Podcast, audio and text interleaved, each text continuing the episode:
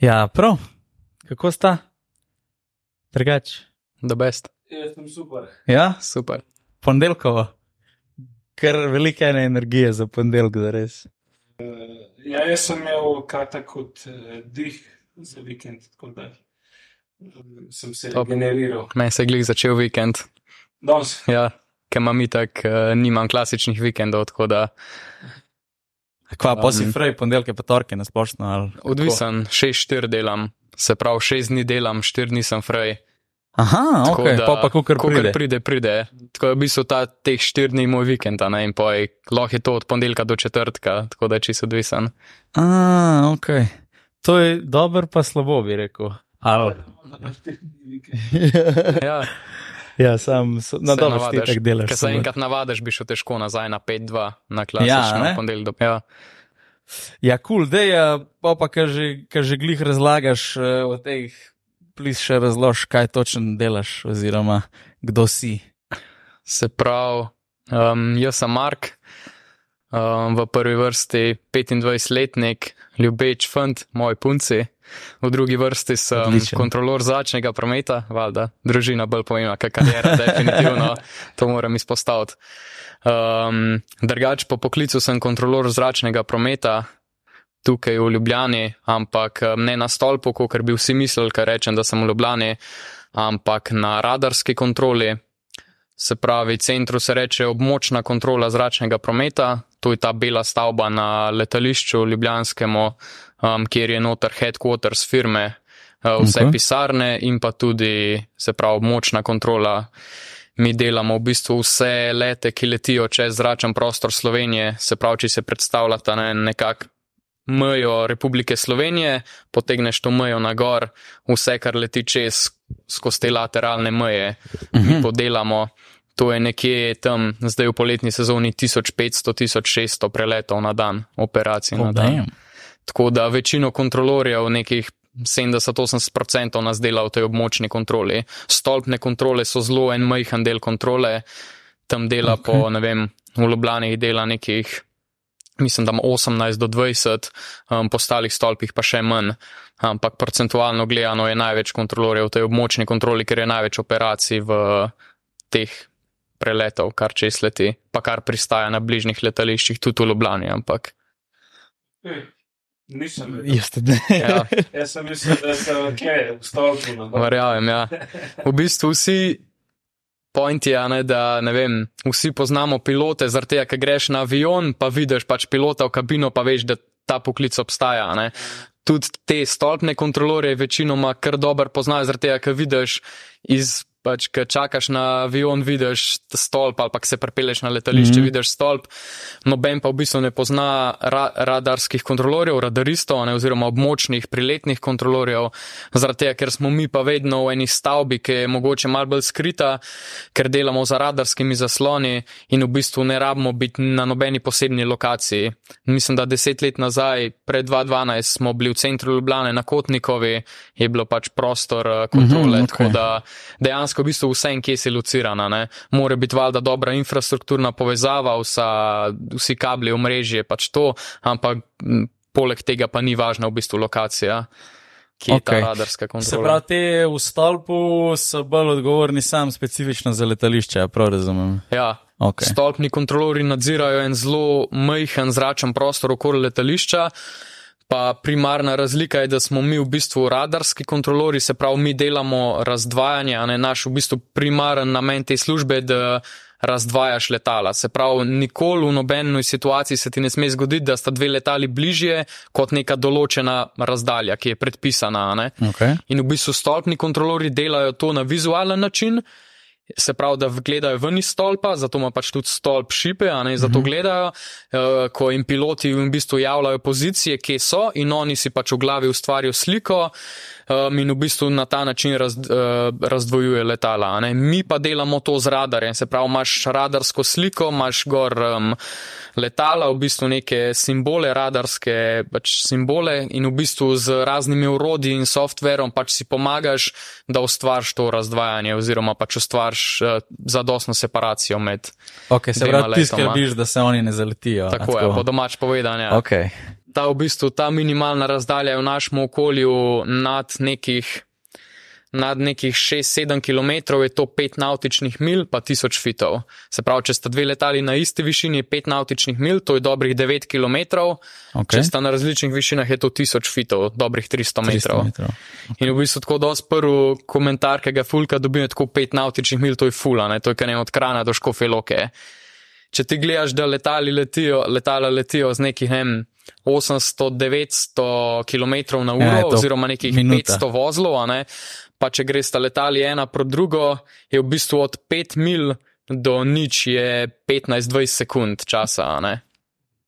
Ja, to Če je greš cool, ja. drugo, a ne. Evo da-. Je, je, je kar blizu teh 5 mil, no, a ne. Tako da, Se pravi, to je, čeprav, mislim, to je uno, a ne, ko v bistvu. Jaz sem res drugač fan tega. Mislim, gledam na YouTube enega tipa, ki je pilot in pač ja. V bistvu dela videe o, o teh nesrečah. mhm. Ampak so tako proper, tako eno uro dolgi. Ja. Pa vse razloži z animacijami in tako vse full detaljni, doskrat pač govora tudi mm. v, Mm. v teh kontrolorjih. A In to, čeprav razumem, v bistvu, čez vsako državo, ko greš, se pol na njih komuniciraš z Tako je. njihovim posebnim kontrolorjem. Ja, ne? tako je. Okay. Ti imaš v bistvu vsak volume pač airspace Mhm. je, raz, je pač v bistvu neki, nekje kategorizirana. Ne? Pri nas te, temu se reče AIP, to je Aeronautical Information Publication. In v bistvu vsaka država ima čist cel airspace klasificiran, in vsak volumen airspace je pač, aj to nekontroliran, aj to eh, kontroliran, pač kakšne vrste kontroliran in v bistvu pripada neki, kon, neki kontrolirani enoti, a ne, oziroma neki enoti kontrole. In ti imaš, ne vem, resmo vzemo za primer let iz Minhna v Atene, ne, v Minhnu bo let pač že preden zaštarta, motor, že preden zaštarta motorje, mora on dobiti clearance od stolpnega kontrolorja, oziroma odvisen, kako imajo tam razdeljen, eni imajo še posebej prav ground pozicijo za te lete, ki so na tleh, in potem ga ground kontrolor preda stolpenemu kontrolorju za departures, potem ga on preda approach kontroli, a ne tako ima prilete in odlete, potem ga approach kontrola preda že Dunaju, preletni kontroli, a ne potem ga Dunaj nam in tako naprej. Mi Ok. si pač predajamo ta let in kot ne vem, preden začne, preden začne pristank v Atenah, bo spet, ne vem, ga verjeten grška area oziroma prelet, lahko govorimo po angliški, z angliškim, da imaš area oziroma en route je prelet, a ne, ga predal approachu v Atenah, approach v Atenah ga bo predal stolpu v Atenah in tako v bistvu pač cel ta sosledje vrstna red sledi, a ne, ker mora biti vedno, kaj je let v zraku, oziroma ko motori laufajo avionu, mora biti na vezi z enim kontrolorjem, ki mu daje pač napotke, inštrukcije, clearance se reče, a ne v bistvu izda ukaz, kaj lahko leti, kje lahko leti, kjera smer, kjera višina, kjera hitrost. Da. Meni je to res fascinantno, jaz sem res fan tega. Mm, Mene, mene bolj zanima, meni nisem bolj zanima, zanima me tako vse. Ampak, uh, da mi povej, odkje si se odločil za to. Si to vedel skozi, da boš, ne vem. Ja, v bistvu je ful, recimo moja izkušnja. Mi imamo um, v bistvu naš družinski prijatelj, je moj sodelavec, in inštruktor in me je pelal v službo, ker sem bil po moje devet razred osnovne šole ali pa po moje prvoletne gimnazije že, me je pelal enkrat v službo in me je bilo valjda top. Jaz sem pač videl, šla sva in se prav v območno kontrolo, a ne sem videl te radarske zaslone, imel tako tri displeje, na sredi full velik radarski zaslon, na desni imaš en displej, na levi en displej, mize take, ki se premika gor, dol, levo, desno, tako naprej, nazaj, res pač uno, individualno si lahko nastavil se. Um, na stolp, tudi Ljubljanski sva šla, me je bilo top, ful zanimivo. Ne? In sem mu rekel, pač pošelj mi link, ki bo razpis, ker razpisi so pa tako, vsake, ne vem, dve do pet let, odvisno od kadrovskih potreb. In mm. pogoj je peta stopna, se pravi srednja šola, in pač valjda jaz sem rekel, lej, ko bo razpis, mi ga pošelj, se bom prijavil, pa bom pa videl. In je zelo zanimivo, recimo, da to je taka karijera, ki jo v bistvu težko planiraš. Ne vem, če verjetno veš, če sem vidva kaj govorila, ti se moraš v bistvu prijaviti na, ko se prijaviš na razpis, te povabijo na testiranja, ker so testiranja narejena samo zato, a si primeren za to službo, a ne. In procentualno gledano je tam nekih 1 do 3, 1 do 4 odstotke populacije svetovno, ne primernih za ta poklic. Uh. In v bistvu ti se prijaviš, se potestiraš, če si primeren, super, a ne, imaš šanso za eno dobro službo, če nisi primeren, tudi super, zaradi tega, ker itak ne bi užival, ful bi ti bil stresan, um, pač trpel bi vsak dan, ker bi so, šel v službo, pač nima smisla, da to poj delaš, če nisi temu mm. primeren. In to je v bistvu taka karijera, ki so tako, ki jo veliko ljudi dospo na ključju najde, a ne? Vidijo nekaj oglas ali na socialnih omrežjih, ali, ali kjerkoli, ali meni pove en znanc, parijatu, parijatu od parijatla, kdorkoli da je, in se prijavijo in ugotovijo, da so ful primerni za to službo, ne ful dober rezultat imajo na teh testih in pač dobijo top službo, ne in hudo kariero. In je zelo težko v bistvu, malo se, mal se kdaj zdaj hecamo mi recimo s pilotov, ne pilot je lahko vsak, če ti ne gre, boš pa 100 ur več odletel, pa boš na koncu vsem pilota. Ne? Ampak lepa, če ne narediš teh testov, pač ne, nikoli ne boš mogel biti kontrolor. In... A nimajo piloti nekaj podobnega, neke te, uh, ne rečem, da mogoče. Uh, Take kavi ali pa to zakomplicirane, ali pa kako, ampak mislim, da imaš tudi nek preliminary test, ja, če si valda, sploh valda, ja. sposoben, ja. mislim, Majo, če si sploh fit. Ja, to imajo, to so te bolj medical testi, pa psihološki, kar imamo tudi mi. Uh, sam fore, da pri pilotu način, kako postaneš pilot, je mal bolj podoben, recimo, um, kako mi naredimo izpit za avto. Mm -hmm. Ti imaš pač okay, neki interes, ja. da bi vozil avione, ne ker tako začneš na teh tam malih športnih avionih, a ne za dva, True. štiri potnike. Ja, ja. In v bistvu ti se upišeš nek aeroklub, neko letalsko šolo in se začneš učiti učit leteti. Dobiš enega inštruktorja in pač začneš nabirati ure. In valjda se veste, mi smo vozili avto, ne? en je ne vem, šel pa 18 na glavno, en je rabo 30 ur, da je šel na glavno. Ampak valjda izpit za avto imajo vsi, ga morajo vsi narediti nekako. Ne? Za pilote pa pač tako, zato je ta zajbancija recimo, ne, da tudi kršen, ki mogoče mu ne gre, kar rab, ne vem, 250-300 ur, ne, bo šel vse na konc, mogoče bo dober pilot, sam ta learning curve, ne, koliko časa rab, da se nekaj nauči, mogoče malo daljši prnemo, ne, ampak na konc bo recimo bo lahko prišel Bo, ja. do vseh teh licenc, valjda, te, testi so full težki, ne, nisem rekel, da niso težki, sam tako, full se je za naučiti teorije, tudi ne, so slike na netu, kam imaš, ne vem, tak kup knjig, ne, da je vse mogo to znati, da je sploh naredil vse teoretične teste, da se lahko prijavil za kakšne službe pilotske, ne, tako da je full zahtevana, ne, ampak ni pa tega v bistvu selekcijskega postopka, takoj že na začetku. Mm -hmm. Pri nas je takoj, ko se ti prijaviš, se pravi, brez izkušenj, hnem prideš na ta razpis, čist brez znanja, ker v bistvu mi ne iščemo. Znanja, ampak mi iščemo sposobnosti, ki pa imamo določene ja, že pri rojeni. Ne moreš imeti, mislim, ja. te, dolo, te sposobnosti imamo pa določene že pri rojeni. Mislim, si rojen s tem, ali si za to, ali pa nisem. Ja, ja, ja. In v bistvu ti takoj se greš testirati in poj začneš svojo kariero, poj greš, poj greš na teoretično usposabljanje, na praktično usposabljanje, ampak na začetku se pa naredi ta selekcija. Tega v bistvu pri pilotih ni. Piloti morajo pa prvo dati nek. Uložek, ne vem, zdaj po mojem z inflacijo že 70, 80, 90 jurjev, cirka, ne nek začetni uložek, da naredijo vse licence, vse trening, ki ga rabijo narediti, mm. pa se pa bojo pa šli do letalskih firm, ne vem, Vizer, Rainer, Lufthansa, kdorkoli pa se parjavlja, par, začel parjavljati v službe. Okay. Ej, a, a če te enkrat ne sprejmejo, a se lahko še kdaj parjavaš, da si pol tako dan for life? Tem, za te vaše teste, to prve.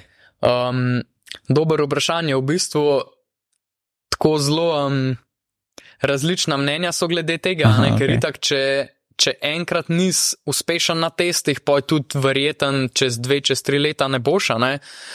ampak je pa vsaj naš, naše podjetje, ne pač kontrola zračnega prometa Slovenije, da možnost, da greš po dveh, dveh letih še enkrat pisati. Uh mhm. -huh. Ker je itak, vsi vemo, da se od 18. leta. Mi bi sploh fanti, ampak vsi, po mojem, tudi punce, se zelo še razvijamo ne, in v mentaliteti in razmišljanju in vse. Ne.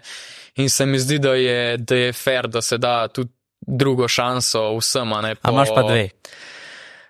Ali greš lahko dve leti, pa, pa fukneš pa čez na, Načeloma dve, zaradi tega, ker je razpis, ker je razpis itak na vsake par leta, ne, ni na vsako Aha, leto, okay. tako da dvomim, da bi, ne vem, jaz pač nisem nič ne odločen pri tem, to je gled, stvar naše kadrovske službe, ne, ampak ponavadi, ja, se, se vabi na nov ljudi, recimo po ene treh, štirih letih, a ne v bistvu dveh, na dveh zaporednih razpisih, ne, če bi bil pa naprimer hipotetično gledano razpis, ne vem, takoj naslednjo leto pa verjetno ne povabil une, ki so bili prejšnjo leto mhm, neuspešni, a ne. Okay. Ampak ni pa, kar sem, ja, kar si v bistvu vprašal, ni nobenih strogih pravil A greš A, lahko še enkrat, ne. So neka priporočila, ni pa nobenih pravil, kaj se sme, kaj pa ne. a ne.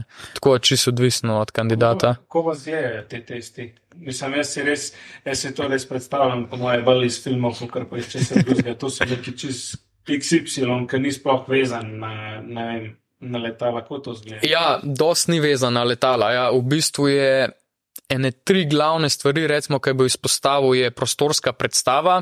To je tako nekako logično, da moš imeti ne to levo, desno, gor, dol, razdalje, liki, recimo, ne imaš mrežo 5x5. Pa pa ne vem, ti nariše eno diagonalo, ne vem, približno koliko je to dolga diagonala, ne, da, a veš, če imaš ne tri kvadratke desno, pa dva gor, približno rečeš, da je to, ne vem, pet, približno pa štiri pa pol dolga, veš, da ne vsekaš, da je pa to se, tako, take fore, liki, um, potem imaš uh, multitasking, v bistvu tako, da lahko, ne vem, sprašujete neke like, poti gre pa, ne vem, vprašanje takoj na neki drugega, pa si mora tako v bistvu multitasking v povezavi s spominom, ne vem, rešuješ eno nalogo in poti med nalogo ti bo povedal, ne vem, en glas v slušalke določene številke in poti bo na koncu vprašal, kje so bile te številke, ne, ti moraš pa vmes biti sfokusiran na to nalogo, ne. Tako take stvari, ne multitasking, da bi čist dve različne stvari delal, kot ne vem, likanje pa kuhanje, kot vidiš pa na nekšnih teh slikah, ne, ampak tako multitasking v bistvu bolj povezan s spominom, a ne, da si lahko več kosov informacij zapomneš, ne, pa jih držiš v spominu, v tem kratkoročnem spominu nekaj časa, ne. Uh, poj pa recimo, tretji aspekt, ki ga pa iščemo, je pa, kar je ful pomemben, da si do, dost natančen v relativno kratkem času, ne. Se pravi, ne iščemo nobenega ekstrema. Ne smeš biti uno na prvo žogo, pa da bi bil sam 50 posto, mi prav 50 posto pa ne, ne smeš biti pa v drugo stran, stran ekstrem, da bi recimo, da bi pa neki ful natančen zračunal, ampak bi ful časa za to porabil, mm -hmm. Se pravi, da si tako relativno hiter, znaš ali zračunati, ali se, sploh ne rabi račun, ali se odločiti, eno stvar pa bi bil, ne vem, 80-85 posto časa bi se prav odločil. Mm, Um, okay. Je vse to, pa, kar razmišljaš, je v bistvu dosti logično. Ja. Ja. Prostorsko moraš še Ja, ja, tako znati ja. ja. predstavljati, kako letala mogoče izgledajo v mm. real lifeu, ki ti jih tam vidiš na neki ravni površini v bistvu. a ne. ja, v bistvu veš, ne, če ti let leti ne iz severa na jug, a ne ga ti tako gledaš na dol, pa da ti veš, kje je desna, kje je leva, a ne. Ker boš Ja, ti ja. nekaj pa let, v bistvu moš ti pač 3D predstav, moš imeti full dobro. Ker ti v bistvu ne vem, nek let moš spuščati, gre v Dunaj pristajati in ga moš spustiti čez cel flow prometa. Ker je, ne vem, ta promet, ki gre mimo full močen flow, se pravi, z vseh teh evropskih prestolnic, ne vem, Frankfurt, München, pač ni prestolnica mest, Frankfurt, München, Amsterdam, London, ki leti dol na bližnji vzhod, Grčija, Egipt, Turčija, bližnji vzhod, cel je full močen flow, pa imaš pa full leto tudi ne vem, Benetke, Dunaj, ki ki presekajo ta flow, ne, in se v bistvu, in je ne preseka na isti višini, ampak je vertikalen manever, ne, more vse ta flow presekati, ne, se pravi, iz Dunaja ga moš ti spraviti iz ne vem, nekih 8-9 km, ki ga dobiš na zvezo na ne vem, njegovo potovalno višino. In moš v bistvu, ti moš obračati lete, ne, levo, desno, gor, dol in moš pač ful imeti dobro to prostorsko predstav, kam boš kakšnega obrnil, a ne. Ker pač klemo še enega obrniti, in za par, za 10 stopinj, za 15, en level ga dvigant, en level spustiti, a ne, in moš v bistvu ne, ne smeš si preveč časa vzeti, da zdaj razmišljaš, a ga bom levo, a ga bom desno, kaj gor, kaj dol, tako, ne. Zelo ti mora biti jasen to. Se pravi, ne tako. overtinka. No, če, ja. če razmišljaš, da si mora en folk na roke napisati, kad dela spet za avto, desno pa levo, te zih odpadejo. Saj, zato, zato so te testi, ne že Ja. prvi krok teh testov, da se take da. Ko pa pol, ok, greš skozi ta test, all good, Ja. Ja. ko pa pol zgleda celotno to izobraževanje, mislim, kako priješ do tja, da te dajo zdaj kaj v sobo, pa reče, ok, zdaj boš pa ti od danes naprej delaš. Pač- Samostojno. Ja, pač To kako rabiš izgleda? ne tri leta, recimo, da priješ okay. do te točke. Se pravi, podoben kot kar piloti, ki smo prej navezali, ampak razlika je to, kar je pač full dobro, da v bistvu ti prideš z narejeno maturo. Kot pač srednješolca, ne, 18-letnik, um, prideš na zaston testiranja, oni te potestirajo in ti oni v bistvu plačajo cela izobraževanja, um, vse ti plačajo, ti dobivaš plačo medtem, ko se šolaš, a ne vse, kar pričakujejo od, oziroma pričakujemo od kandidatov, je, da daš 100% od sebe, ne, da boš dober kontrolor.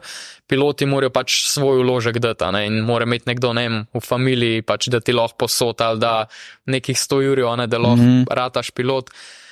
Um, Pri nas je pa v bistvu ker, je, ker ni to, kam. Še mogoče privatizirana, ne, kot pač ta pilotski sektor, ne, je, ker mi smo pač edino podjetje v Sloveniji, ki se s tem ukvarjamo, a ne zaradi tega, ker smo v državni lasti in pač samo mi zaposlujemo kontrolorje. Um, v bistvu mi pač delamo vse ta proces izobraževanja. V bistvu imaš, se pravi, potem, ko si ti izbran, se pravi, recimo zdaj ta selekcijski proces je narejen, ne podpisal si pogodbo, prvo te čaka neko osnoven teoretično usposabljanje, to je recimo k en letnik v faksu zelo zgoščena, ne, na 3-4 mesece. V bistvu imaš 10 predmetov, 10 izpitov, na koncu en kratek uh -huh. simulator. To so pač taki predmeti relevantni na naši karieri. Navigacija, meteorologija, mm. letala, um, air traffic management, human factors, uh, um, equipment, professional environment, a ne take stvari, ki jih boš dejansko po Arabu predelal, ni boljši tako, yeah. kar je na naših faksih. Biologije.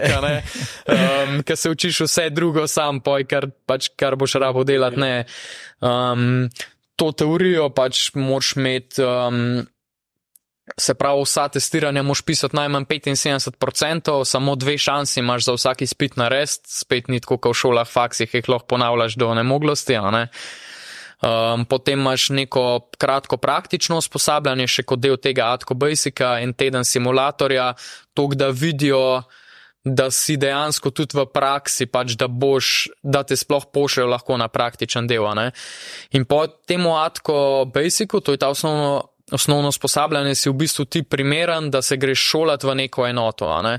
Ko smo začeli, enot je pa več, a ne imaš stolpne enote, v Sloveniji so štiri, se pravi Ljubljanski stolp, Mariborski stolp, Portoroški stolp, pa crkle na Dolenskem stolp. Potem imaš priletno kontrolo, approach, bomo kar po angliško approach, v Ljubljani pa area v Ljubljani.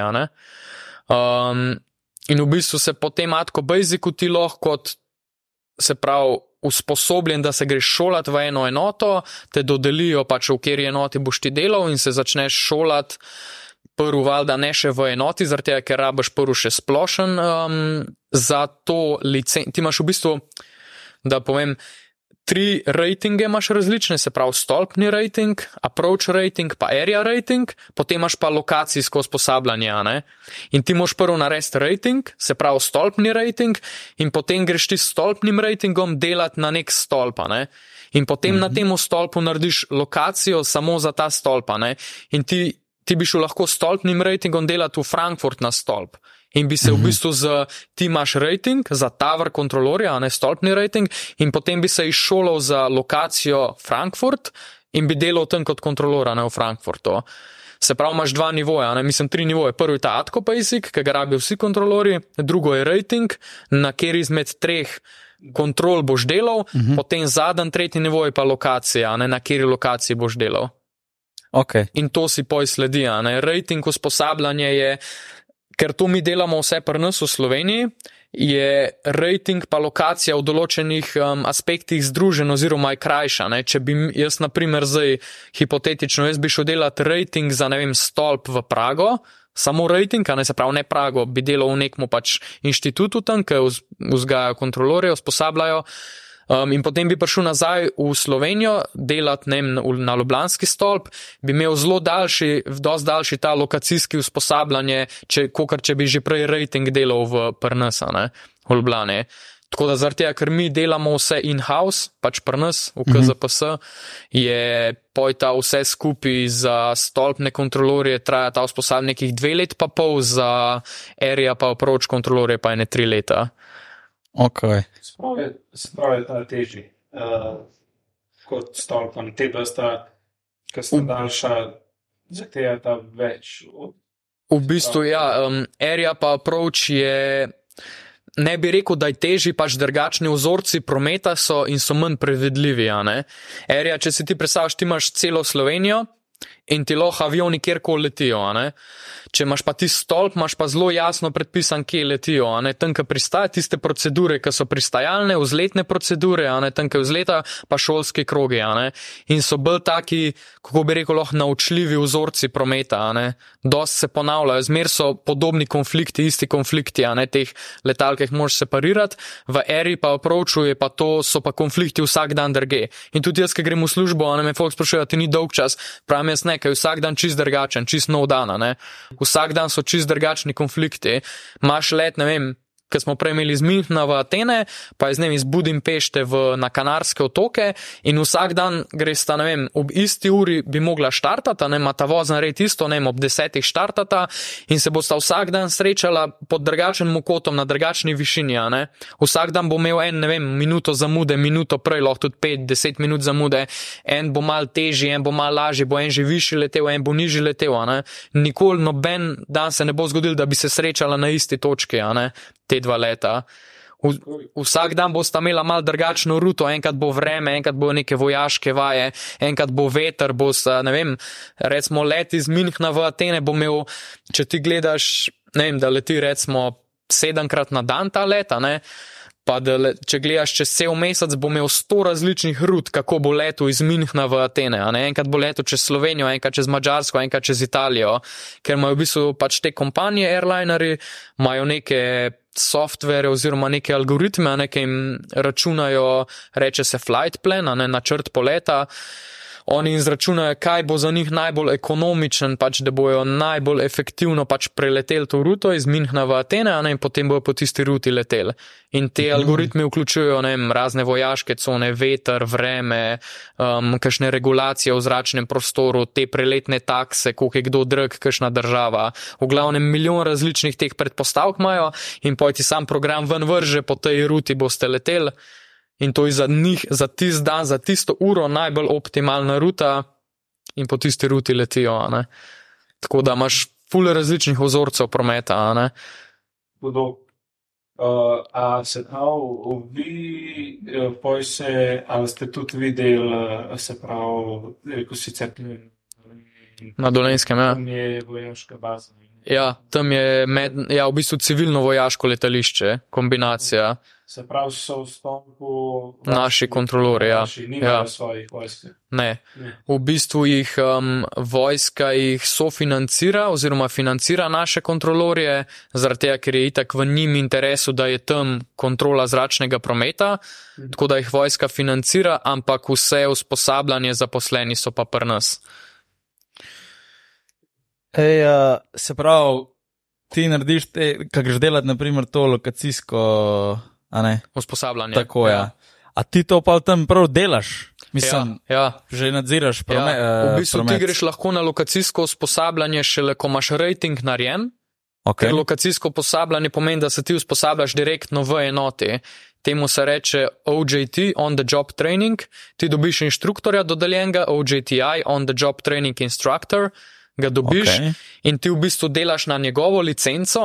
Če bi bilo kaj narobe, bi v tistem trenutku bi bil on kriv, ker ti nimaš svoje licence, okay. ampak se šolaš in v bistvu potem delaš, kot boš poj delal ampak si pač šolar, si kandidat, ne inštruktor, lahko kadarkoli poseže po mikrofonu, pač prevzame delovno mesto, uh -huh. če gre karkoli narobe, zaradi tega mora biti inštruktor vedno zraven tebe, ampak dejansko pa vse pa ti delaš.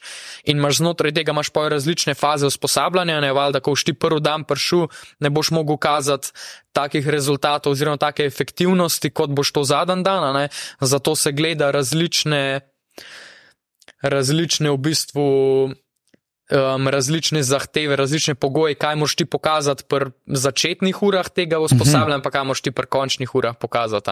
Da se vidi napredek. Ja, da se vidi ta napredek, pa da se vidi, kaj od tebe pričakujejo v prvih ne, 50 urah, pa kaj v zadnjih 50 urah. Drugač pa, kar si prej vprašal, v bistvu. Usposabljanje traja isto časa, mogoče sem malo čuden povedal, da traja za aerijo, pa approach del.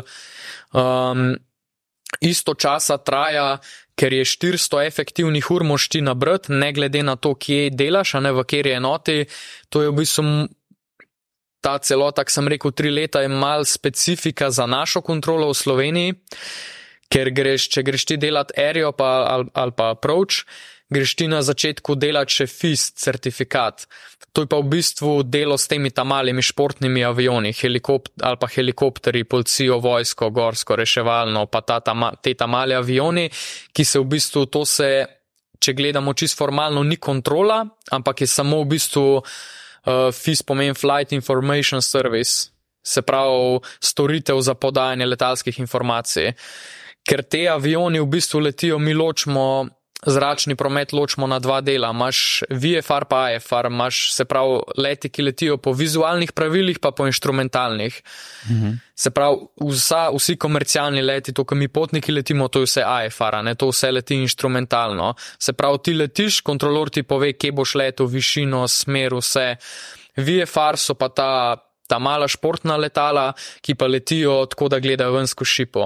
Se pravi, to, kar greš ti iz les na tri glav pa nazaj, to je, to je pa VFR.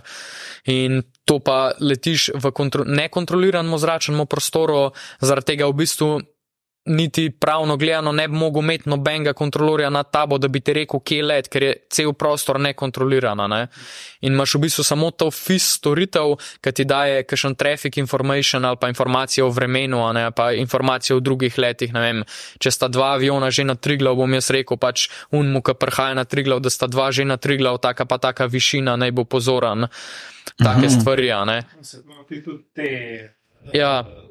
Kot, kot, kot, kot kontroliraš. Ja, in v bistvu je znotraj tega usposabljanja za aerijo, pa za approach, je greš prvi narediti ta FIS usposabljanje, kaj je dosti kratek, zato je ta pol leta razlike kar sem prej rekel, da je pred cirka tri leta traja. Zato je ta pol leta razlike. V bistvu nekatere države imajo tako urejen, da imajo določene ljudi samo za FIS, se pravi za Flight Information Service, ker niso kontrolori, so pač FIS operaterje, ki jim podajo same informacije in mu v bistvu greš ti takoj po Atko Basicu, že na Area Approach Tower rating, mi imamo pa tako narejen, da vsi preden grejo na Area usposabljanje naredijo še FIS, zaradi tega se dela v isti stavbi, skorista oprema se uporablja, um, da se navadiš zračnega prostora, da se navadiš frekvence, da se navadiš te frazeologije komunikacije s piloti, take stvari. Pa vse oni tudi, oni nižji fulletijo. Ja, ja, ja. Imaš približen čišče poenostavljeno do. Se pravi, tam, ko imaš stolpe, je kontroliran zračen prostor do tal, a ne ker valjda pač mora biti urejen, ne, ne sme biti nobenih dronov, nobenih teh športnih letal, a ne je do tal, tako kot gledaš pač neka kletka, a ne kontroliran zračen prostor, ko noben ne sme vstopati. Povsod druge, sprav to so štira, ne Ljubljana, Portoroš, Maribor, Cerkle. Um, Povsod druge v Sloveniji je od tal do neke višine 300-400 metrov do 1000 fitov ponavad je nekontroliran zračen prostor, zato lahko ti z droni letiš, ne vem nek najlovci, um, a veš, kjerkoli, zato lahko mm -hmm. ta letala iz les grejo na tri glav, brez da v bistvu komunicirajo s kontrolori ali pa vstopajo ali pa ogrožajo v bistvu tisto komercialen promet. Ampak se morajo držati te neke določene višine. Vse, kar je više od tega, je vse kontroliran zračen prostor, se pravi, tam pa rabaš dvosmerno komunikacijo ne, med kontrolorjem, rabaš izpolniti ta načrt poleta, flight plan, rabaš imeti transponder, da se te vidi na radarju take stvari. A, in v bistvu FIS podela pač te vse vizualne lete, ne, ta VFR trafik, ki leti v bistvu priti mač za hobi. Imáš tudi policijo, vojsko, ki nadzoruješ ne avtoceste, nadzor državne meje, to tudi valjda vizualno leti, ki tako nizko letijo, ampak te ne vem, Avstrijci, ki grejo na loš in na morje, um, ne vem, mi, ki se furamo, padalci, recimo, mi, ki gremo vem, na Triglav, na lese, če greš na kavo, portorož z avionom, pač tako, take stvari, ne, bolj hobi oziroma športno leta, letenje. Ok. Puh, ja, tega, tega je, tega je ogromno, ja. Ne bi si niti približno predstavljal, da je pač to tako, oziroma mm. si drugačen, naraven like to predstavlja. Da mi povej, prej so meni une stopinje, pa to, naprimer, gledam te, ja. tega YouTuberja, nikoli ne razumem. Ja. Se pravi, če, oni te, mislim, ti rečeš avionu, obrn se, se pravi, heading, ne vem, 352. Ja. ja. To, to so verjetno stopinje, ne? Ja. Ampak od, od kje? Od 1 do 360 stopinj, ne? Ampak iz česa zdaj? Kaj, a je pred njim nula ali je svet nula? Mislim, Aha, kje je nula? Ja. Štekam, ja, kje je nula? Ja. ja. ja, v bistvu je nula je na, na magnetnem severu. Mm, okay, okay. Zdaj, ta, zdaj dosta debata, to bomo malo kasneje lahko načnemo, v bistvu ta magneten pa pravi sever, kaj veste, da pač magneten okay. sever je to, kar kompas kaže sever, pravi sever je pa dejansko severni pol, ker magnetni severni mm -hmm. pol ni točen na severnem polu, tako da ima od, odmika, ne? Ampak v bistvu se še, ve, zdaj se še vedno se leti na Drugač nisem čizihar možno, da se leti tudi na pravi sever, ampak mislim, da je še vedno, da se na magneten sever se dela in označbe letališč in um, to, okay. kar se leti, se dela pač na magneten sever, tako da je nula pač ja na sever, vse ostalo so pa pač te headingi. a ne. Se pravi, če spet imamo isti primer, München, uh, Atene. Atene, ja. Ti ne mu rečeš, ne, obrn se, ne vem, na On, pamet govorim, ja. na 37 stopinj. Ja, To zdaj pomeni, da se on od tam, kjer je trenutno, obrne proti 37 stopinjam od severa. Ja, tako je. Se pravi, on bo obrnil, če on recimo nad Ljubljano, pa mu rečeš fly heading 035, recimo 35 Ja. stopinj, bo tako levo, full, to full zavoja, neko on bo leto približno, ne vem, heading 130, 100, 145, 140, okay. a ne dol proti Atenam, on bo obrnil levo gor proti Mariboru, proti Štajerski, Ok, ok, razumem. In pol, načeloma, če mu ti rečeš, ja, to pomeni, da on pol, če leti samo naravnost, bo prije, se pravi, te stopinje so kaj ni te pol, a so poldnevniki. A prav razumem, a si jaz to prav predstavljam, se pravi, tako je svet. To je roža, pač kompasna roža. In pol gre, pol gre v bistvu, k prsti so te stopinje. Prav Ne, to je geografska dolžina. No, sej, ja, Ja. se pravi, to ni podobno. Uh, um, niso tako neke črte. Ne, ne, ne, to je proti- kot kompasna roža. Veš, ti imaš v središču, imaš točko, kjer je avion, Okay, a ne, in pa imaš na sever je nič, pač kot če na iPhonu kompas odpreš. okay. To je to. A veš, Okej, ta aplikacija. razumem. Ja, na ja. sever je nič, in pa greš pač čist na vzhod je 90 stopinj, jug je 180 stopinj, zahod je 270 in to je to. In vse okej. ostalo pač imaš na stopinjo natančen, mu lahko daš inštrukcijo, kjer Okay, heading naj leti, okay. če ga hočeš dati na heading. ne. Razumem. Se pravi, ma- imajo pa vsi avioni isto nulo, ne? Ja, ja, ja, imajo. Okay. Zdaj pa nisem zih, ne mogo bi pogooglati, a, je, a se dejansko leti. Je, pač mislim, mi imamo v Sloveniji, mislim, da 3 až 4 stopinje tega odstopanja med magnetom in pa med pravim severom, ampak uh Mhm. -huh. mislim, da ta heading, ki ga oni naštimajo, je, je mislim, da mag, magnetno, pač ker še izvira iz teh časov kompasa, pa to, ne Okay. je mislim, da magnetno. Um, tako da ja, magneten je pač sever, je za vse isti. Zato veš, če bosta dve letali letela heading 135, a ne na razen bosta isto razdaljo držale, a ne bosta paralelno letele. a ne. Skozi isto, ja. ja. Ok, razumem. No, zdaj sem pač vem, da ko un reče heading, da saj vem, kaj da Ja, ja, fakt ja. to pomeni. Ker nikoli si nisem znal predstavljati. A to zdaj pomeni, ja, od njega, se pravi, naravnost Mhm. pred njim je nula, pa to zdaj tako pomeni. Nisem sploh v life pomislil, da bi to bilo lahko na sever vezano. Okay, ja, cool. ja. Tako da je standard, ne, da je po celem ja, svetu. ja, enak. isto. Ne, ker tudi steze, ne če ste videli, ker so te ta velike številke na stezah, ne, to je v bistvu smer steze. Ljubljana je, A. Ljubljana je 3-0, pa 1-2, a ne, recimo to, kar poletajo čez kran avioni, poleta v smer 3-0, se pravi, to je smer 300 stopinj približan. Mislim, da točen 306 stopinj v Ljubljani in je zaokrožen pač, a 305, pa je zaokrožen na 3-0, a ne. Mm, In to pomeni, da je steza, tako kot je postavljena, je pač ta smer vzleta je približno 300 stopinj. Una na dol je pa glih 180 plusa oziroma minusa, je pa 120 približno, pa 1-2. Ok, tega tudi nisem razumel. To, mi, to je bilo uno, ki imajo 3-0 left, pa 1-2 To right. dol, pa ja, light, left okay. pa right je pa pač, če imaš dve stezi, ne. Ja. Sem šel vse, vse te videe še enkrat pogledati, vse razumem, kaj se dogaja. Da- Ok, the best. Jaz sem mislil, da je to kakšna dolžina ali pa širina ali pa kaj. Ne, smer je. Zato, ker Ja. na letališču, ki smo imeli, samo ne vem točno, kje je številka, je v lescah. Uh, Aha. Lesce so 1-4-2-8. Ja, Ja. ja sem, uh, smo ne, vem, niti kapnali, niti približali, ne, na to bom mislil. Ne, ste ne. Okay, Mislim, da 1-4-2, ne. Ja.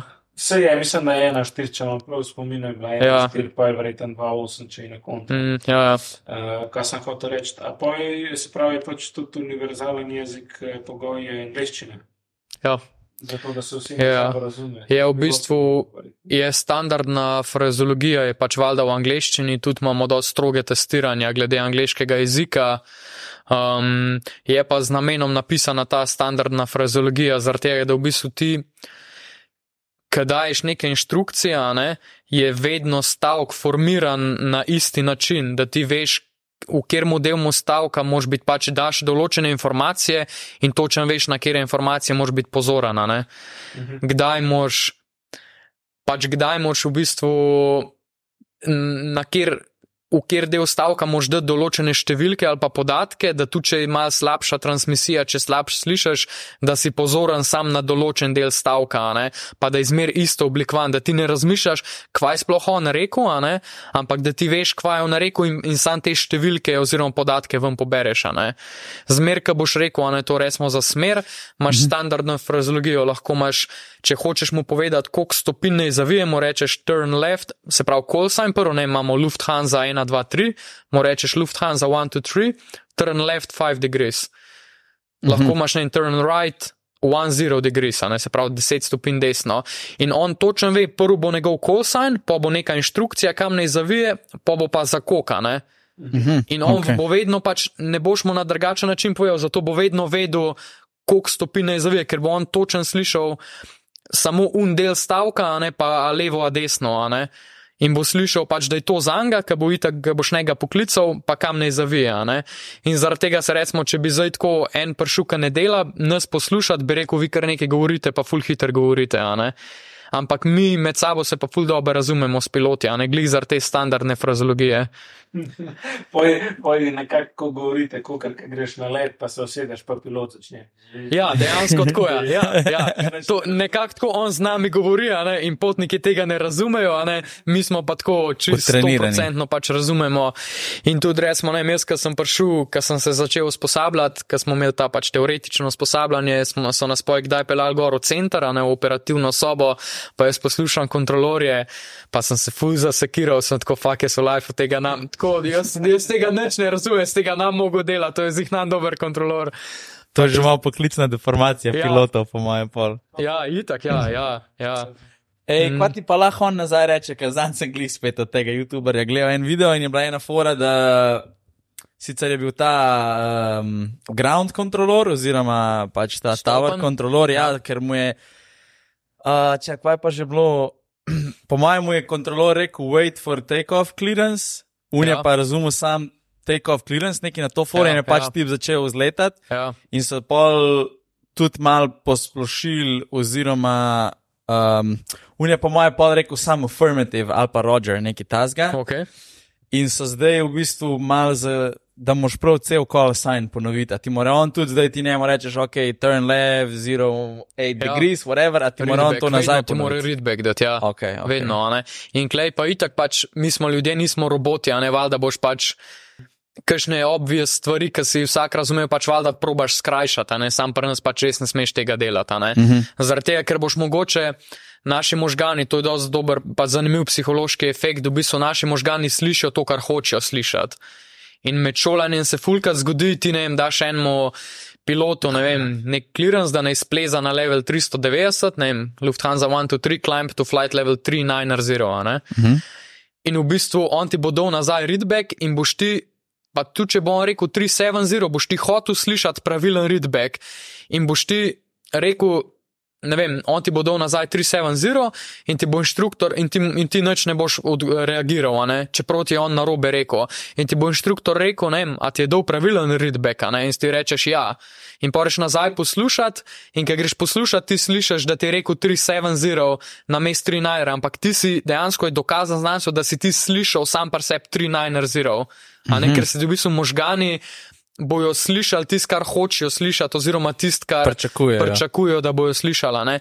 Zato moraš ful biti zavesten pri tem, ne? ne smeš biti tuno avtopilot varianta, kot kdaj ne vem, kaj tak smo priti mač cel life na avtopilotu, a ne ful podzavesti vse. Moš res zavestno te readbacke poslušati, da ti on točen to dal read, v readbacku, kar si mu ti rekel. Sorry. Čak rekel si, da se snema, to je ta black box. Black box imajo piloti, mi imamo pač itak black box, je zaradi tega black box, ki je ne, praktično neuničljiva, a ne, če se kaj naredi, kakšna nesreča. Mi imamo pa pač normalno, kot imamo mi zdaj kle, snemalno pač. Vse se snema in ambiental, a ne prostor in frekvenca in telefonski klici in tako da se poj hran, ne vem, koliko šest mesecev. Ali pa še več, ne vem, Ej. Ko pa da se to še ni. Kar recimo kom- komunikacija, pa jezik, language, whatever, je Ja, pa še vedno je human factor v igri. Ja, ja. Kako, kako da še nismo prišli do tja, da bi ti njemu v bistvu poslal, ne vem, kaj da mu poslal message. imamo to. Aha, ok. Imamo, ja. Temu se reče CPDLC, oziroma Controller Pilot Data Link Communication, priti ima čisto, kot se reče, kaj je SMS. Okay. Se pravi, jaz na radarju poklikam, ampak to je dosti nova tehnologija. Mi smo to implementirali, mislim, da 2017, 2018, recimo. To v bistvu jaz podklikam, ne, mi isto imamo inštrukcijo Climb to Flight Level 390, a ne. Mhm. Jaz mu bom odklikal 390, bom dal uplink, on bo dobil, a ne ping, kaj je SMS, a ne bo klis stisnil Wilko, to je pač ta reply, ka will comply. Mhm. In jaz bom dobil, da je on comply in on začne lahko plezati gora, ne. In to je to. Ne rabiš nobenega readbacka, nič po frekvenci, a ne Okay. ker se on itak ne more ne? ker ko bo on stisnil Wilko, mu bo avtomatsko računalnik v avionu unesel not ta prav level. to, ja. In je Mislim, to, je to, tako ja. res eliminiraš kakršno koli miskomunikacijo Ja, za res. ja, Tako ja. da je full bolj, Ja. ja. bi rekel, safe. Pa Je, ja, točen. je. Ma, ma svoje minuse, a ne, ko v bistvu ti enemu nekaj rečeš, ti mora takoj odgovoriti. Aha, tam pa ne- pošleš, ja. ima dve minuti časa, da ti odgovori, a ne. Aha, Pa dve minuti okay. full v letalstvo, a ne. Smo prej rekli, v njih pet minut, Ja, ja, če ja. greš ja. en pro drugemu, je 15-20 sekund, a ne prejem se srečata. Se pravi, on je že čez pol Slovenije v teh dveh minutah, ker ti on ja, lahko odgovori. Ja. Tako da, ampak Kako se, pa, da se ne dobro- zmanjša ta, a ja, lahko kaj drugega dela. Ja, ja. Ampak zaradi tega, ker v bistvu, ker se je ta CPDLC začel implementirati, pač to se v bistvu za, za take straightforward stvari, pač so, za vse clearance, menjavo frekvenc, za vse se uporablja, a ne, ampak karkoli pa nujen, ga moš pa po voice, po frekvenci povedati. a ne. Ampak vse pa za vse se zdaj uporablja CPDLC. Okay, ja, to, Um, to je log- mislim, ja, ker tudi njemu se polja vnese v, v Ja. ja. autopilot, ja, whatever FMS, že imajo. FMS mu vnese v. Tako ja. in pač tudi ne more on dati, ne vem, doskrat sem tudi v teh nesrečah videl, da je moj un rekel, ne vem, obrn se 3-5-8, Ja. ja. un se je pa nekam drugam obrnil, pa je polo ja, videl čisto ja, napačno ja, full je smer. human letel. factor, rekla. Ja. Ja. Mm. Ok. No, zdaj pa sem tako valjda, to mora obstajati, what the fuck. Ampak ja, Mm, kul, cool, ja. ja. zanimivo.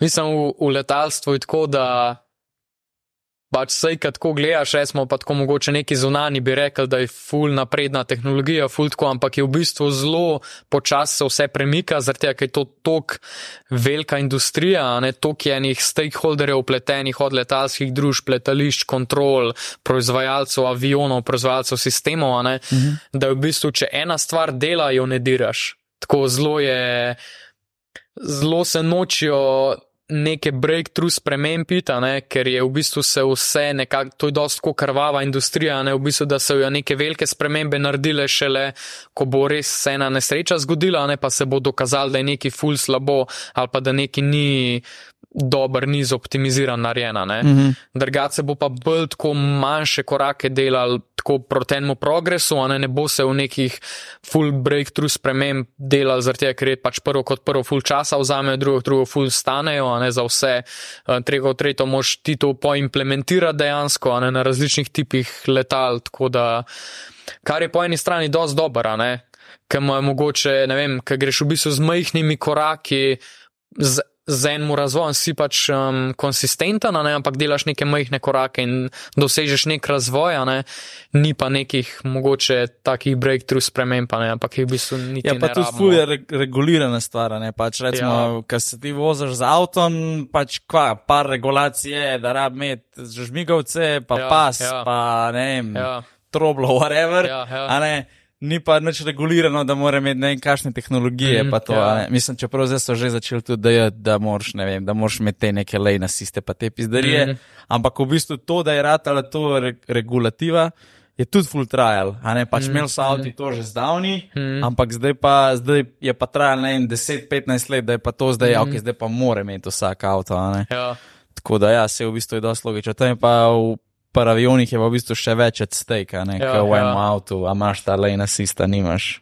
Pa se tudi težko je, oziroma če po, pomisliš, to je res ena mreža, tako kot si predstavljaš. Ja. Moš v bistvu le ugasan, ja. tudi ne bi smel načeloma poje leteti, da ti to v vseh avionih. pač ful je upletenih enih stake, reč se aviation stakeholder, a ne. Fulejnih različnih teles, pač v smislu biznisov, ne?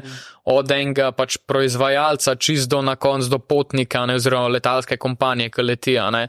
Že od unga ne, ne Airbus Boeing proizvajalca, ampak proizvajalca delov speci, specifičnih. ne.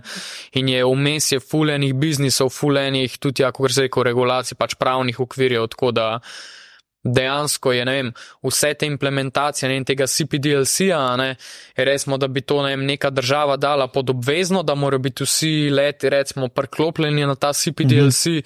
To može biti, ne vem, 10-15 leten okvir, da dejansko lahko realno pričakuješ, da se bojo pač vsi opremo inštalirali v aviona. Ne, Tudi ta tehnologija, ne, ki jo Airbus Boeing uporablja, to je vse ne 30-40 let stara tehnologija. Ne ker pač dober dela in jo pač ne bojo šli menjati, ne bojo šli v bistvu sproti razvijati, ampak tako, recimo, jaz sem šel na, v Edinburgu študiral kemijsko inženirstvo, a ne, sem šel po gimnaziji sem se pogovarjal o nekšnih teh karir sejmih, pa to, če bi bil recimo, ne vem, airspace inženir ali pa kaj, ne, pa so rekli v bistvu, da ful ni zanimiv, tega, ker nič novega ne boš smel pogruntati, mm -hmm. ampak boš delal samo majhne popravke, ti imaš avion, ne vem, Boeing 737, najbolj popularen avion in ti boš v bistvu neke čist minimalne popravke del, kako bi ga mal izboljšal, ne, ne boš ti zdizajniral novega aviona, mm -hmm. pač ker avion tak je, ne boš mogel boljš ga narediti, ni šansa, ne, pač lahko bi ga naredil, vem, na papirju, ampak noben ne bo financiral tega. Ne?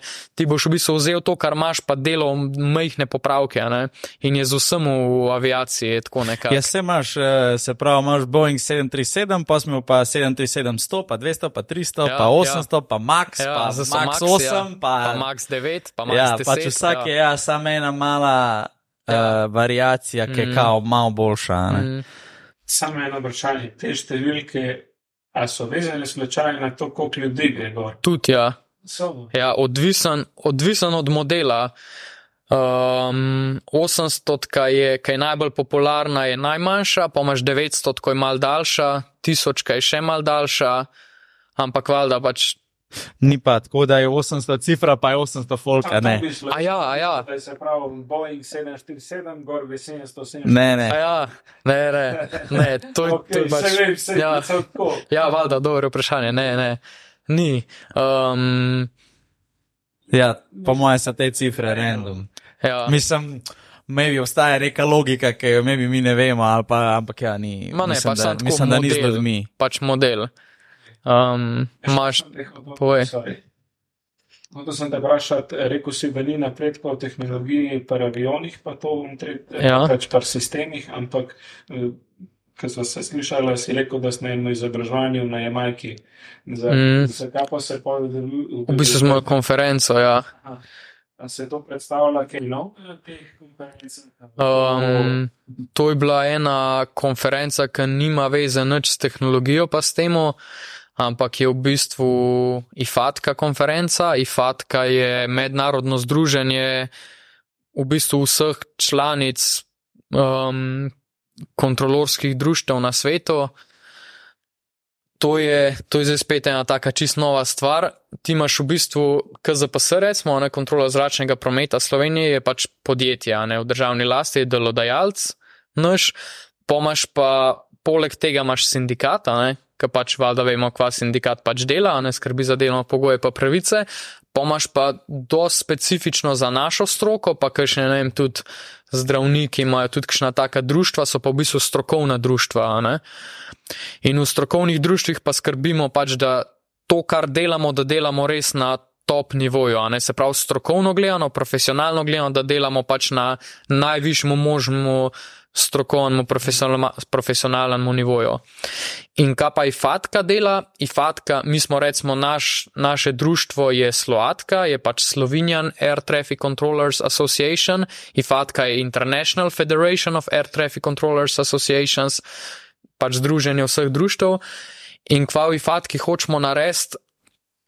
V bistvu hočemo standardizirati nekako kontrolo z namenom, da bi za vsak problem, vsak karkoli se spomniš glede kontrole, ali je to čist socialne zadeve, delovni čas, počitki, ali so čist neke tehnične zdaj, ne kako bi pokazal, da en let ima CPDL6, smo prej pogovarjali, ne, na radarju, ne, na ekranu, v bistvu hočemo najti najboljšo rešitev za vsak problem, ne.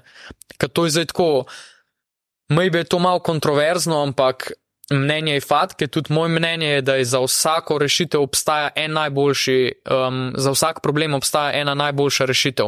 Vsaka država dela malo na drugačen način, ampak en izmed teh načinov je zihar najboljši. Mogoče je drug pa tretji sta zelo bliz. A ne, če bi recimo rangiral po lestvici, ampak en način je pa pač najboljši. In mi v bistvu probamo za kjerkoli, v bistvu, kjerkoli področje našega poklica najti, kako bi najboljš to naredil, najboljš to izvedel. ne. In mi se v bistvu na teh konferencah pišemo ta nek full obširen dokument, ki se mu reče IFATKA TPM, Technical Professional Manual, se pravi manual kot dokument, ki je dolg, ne vem, 400 strani, ki ima polinkan samo working paper, se pravi 400 strani samo linkov do delovnih pač teh working paperjev, ki v bistvu študir, mislim, v bistvu analizirajo, preučujejo vsako to posamezno temo in propozajo oziroma predlagajo pač neko najboljšo rešitev za vse te različne teme. In to se tiče celega spektra kontrole, od ne vem, pač kot sem prej rekel, čist socialnih zadev do čist tehničnih zadev. In v bistvu mi na teh konferencah poj debatiramo, diskutiramo, kaj bi sprejeli v ta manual, v ta TPM, da bi, da bi to lahko res temu rekli, ok, to je pa zdaj najboljša rešitev, to je pa najboljši pristop do enega problema, da lahko poj ti kot, ne vem, predstavnik društva, predsednik društva, poj svojemu delodajalcu ali pa svoji firmi pomagaš oziroma sodeluješ skupaj s firmo, ki implementiraš neko novo stvar, nove sisteme, karkoli, ne vem. Zdaj so droni ful popularni, ne vem, zdaj se, ne vem, se more, pač zračen prostor se bo mogel prilagoditi dronom, a ne, oziroma vsem, pa ne samo tem dronom, recimo, ki mi kot, ne vem, fotografi, snemalci letimo, ampak dejansko, ne vem, snemalni droni, vojaški droni, dejansko bojo pač počas droni letel, ne vem, lahko bojo potnike letel, ne vem, karkoli, a ne, in se bo mogel prilagoditi pač zračnemu prometu, ki ne bo imel človeka not, ki bi vozil, ne. Ta let. In v bistvu ne, mi zdaj v IFATki iščemo pač najboljše rešitve, kako bi se to implementiralo, ne, da, to, da bi bilo po celem svetu čim bolj enak na enak način narejeno. Ne.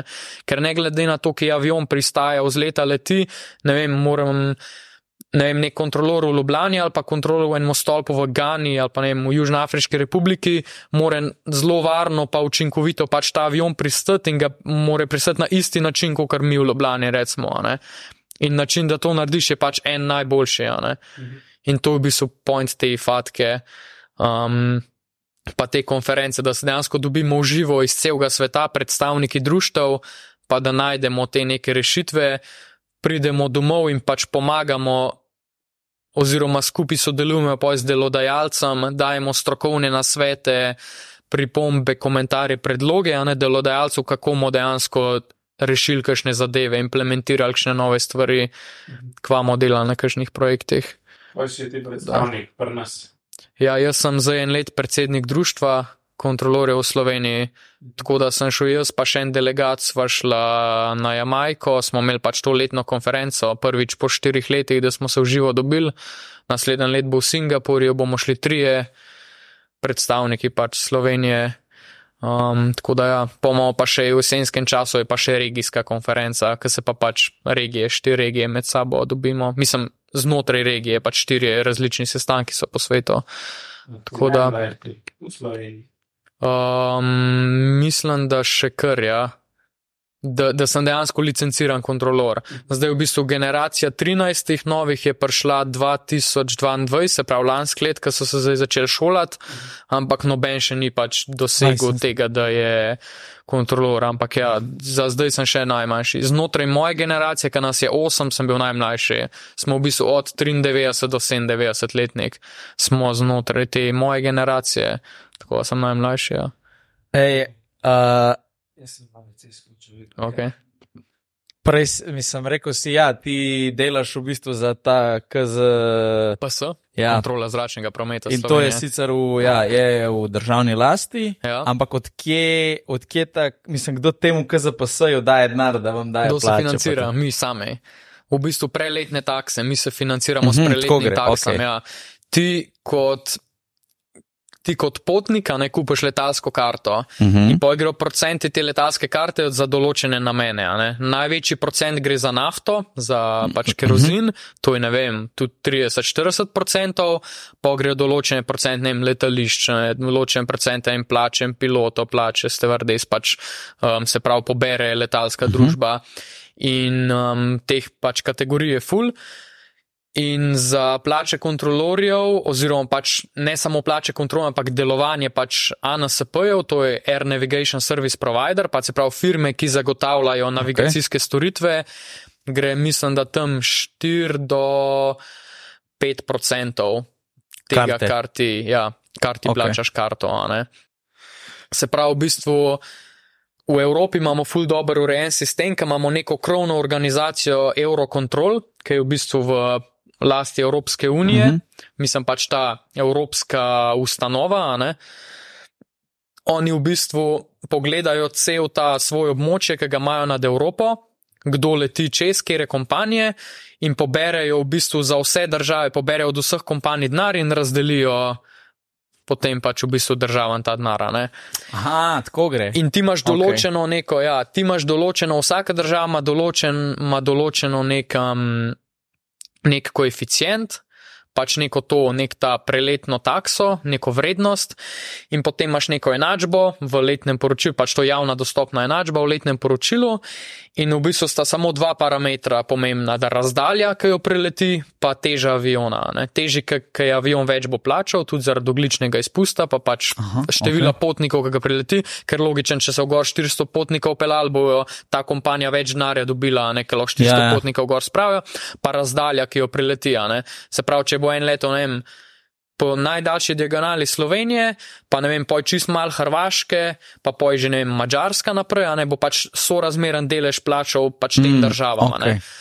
In v bistvu se ta, in v bistvu se potem samo na konc leta pogleda, kere kompanije so čez letele, koliko časa, oziroma pač te razdalje, mm. -hmm. teže avionov in se pač zračuna in dobiš, ne vem, imamo približen prihodka nekih 40 milijonov um, in potem v bistvu Eurocontrol se pravi pobere od prevoznikov, razdeli denar in ti ga da pač, da imaš, um, se pravi, da imaš v bistvu na voljo pač finance za vse, kar rabiš, za investicije, za plače, za opremo, za Ok. okay. pač delovanje, poslovanje podjetja. Ne?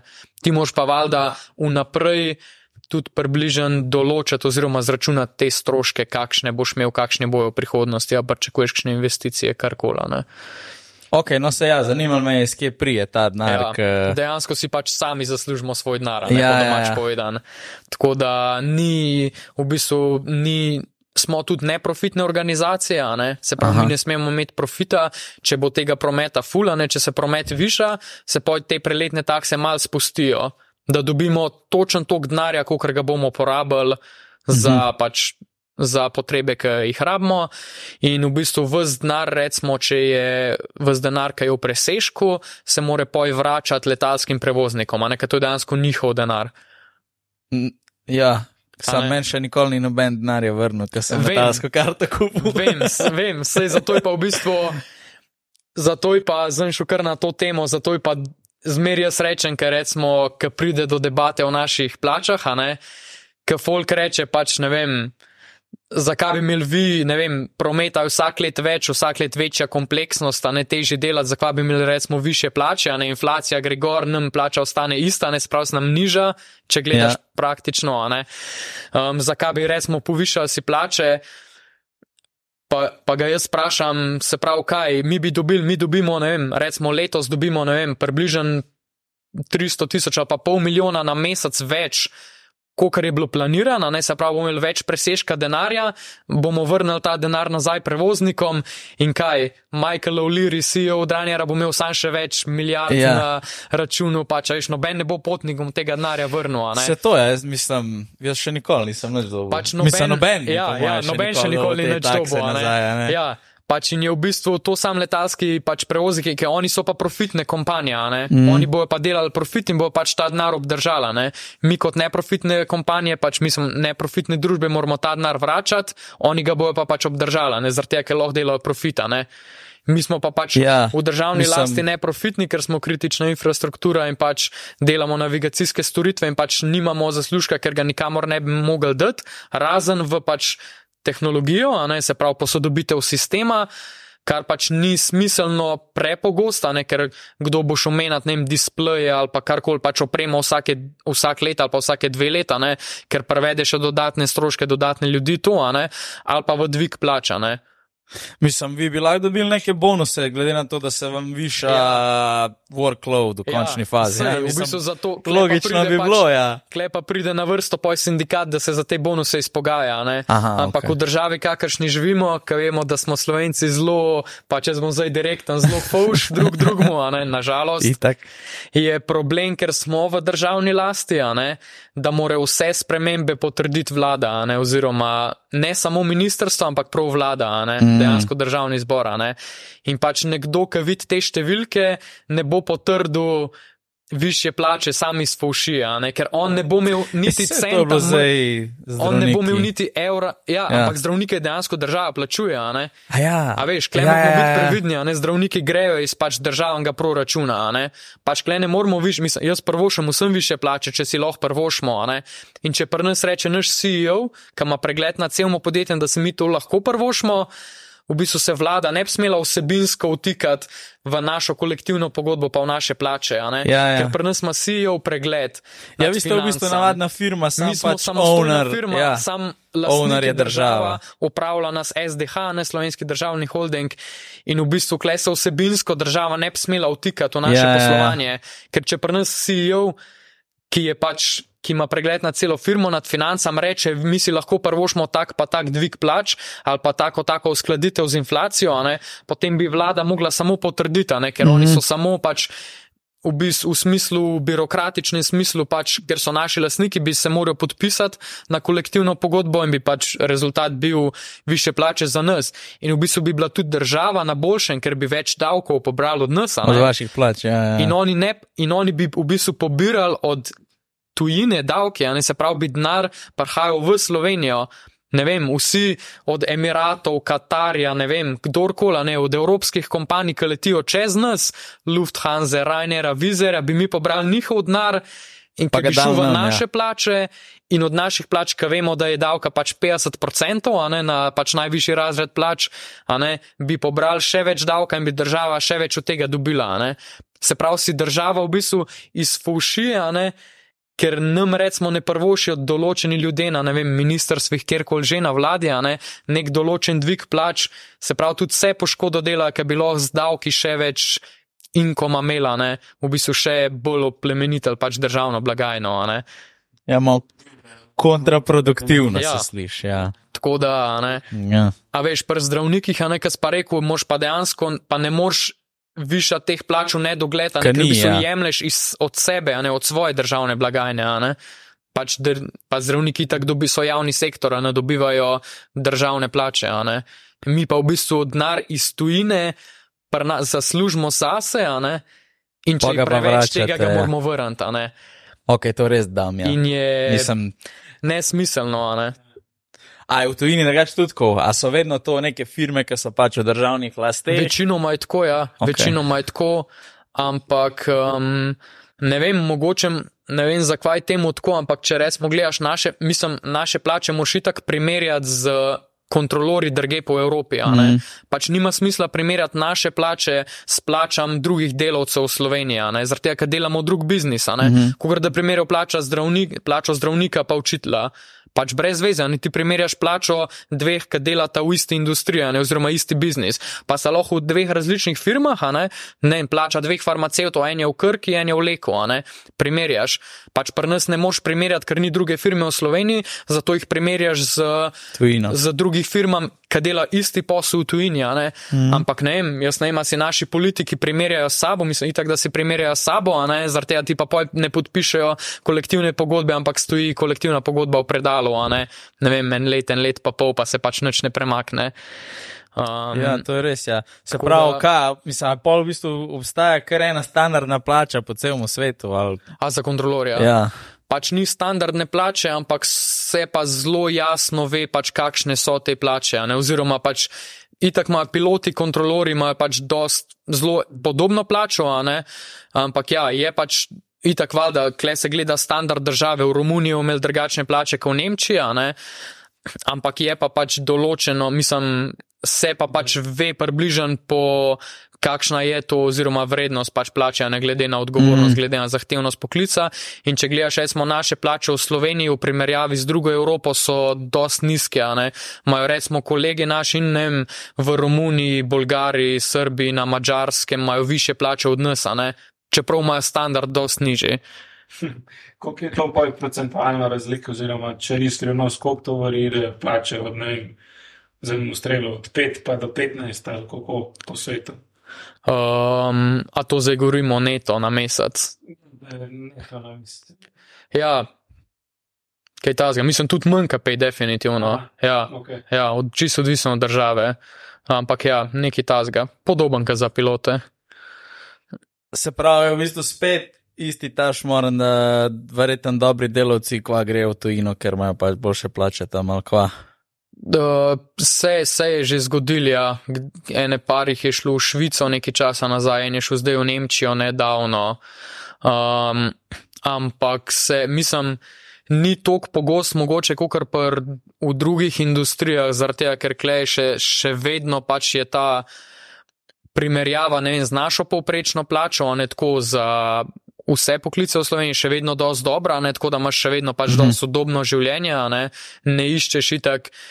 Ne, ne greš iz pač iz full dobre plače na full, full dobro, a ne, še vsem si pač dosti zadovoljen, kles full dobro plačo, ampak tako, ker se pa recimo v bistvu, ker se pa pogovarjaš ali pa recimo primerjaš s kolegi v Evropi, a ne pa vidiš, da je v bistvu, da bi lahko tudi mi v Sloveniji pač recimo imeli ne Imeli više boljše. plače, pa ne bi bili v nobenemu ekstremu ali pa karkoli, a ne, ker smo zdaj dost pod evropskim povprečjem, a ne. Je pa, veš, so pa itak, valjda ni vse plača, ne. To ti bojo ti ponovadi splošni starejši rekli, če se kaj pogajaš ali pa kaj, ne, nekšnih, ne vem, intervjujih za službo, pa kaj, ja, se ni vse plača, ni vse denara, ne. Pač je to, je higienik to, ne motivator, pač v tej, če gledaš uno piramido, pač v tem spodnjem delu, ne se pravi, more biti osnova, more biti ta temelj, ne pač plača, mm. pa pa lahko gradiš ostale ugodnosti, ne. Mislim, pa nam v startup svetu se doskrat malo delamo norca iz tega na način, da pač ne vem.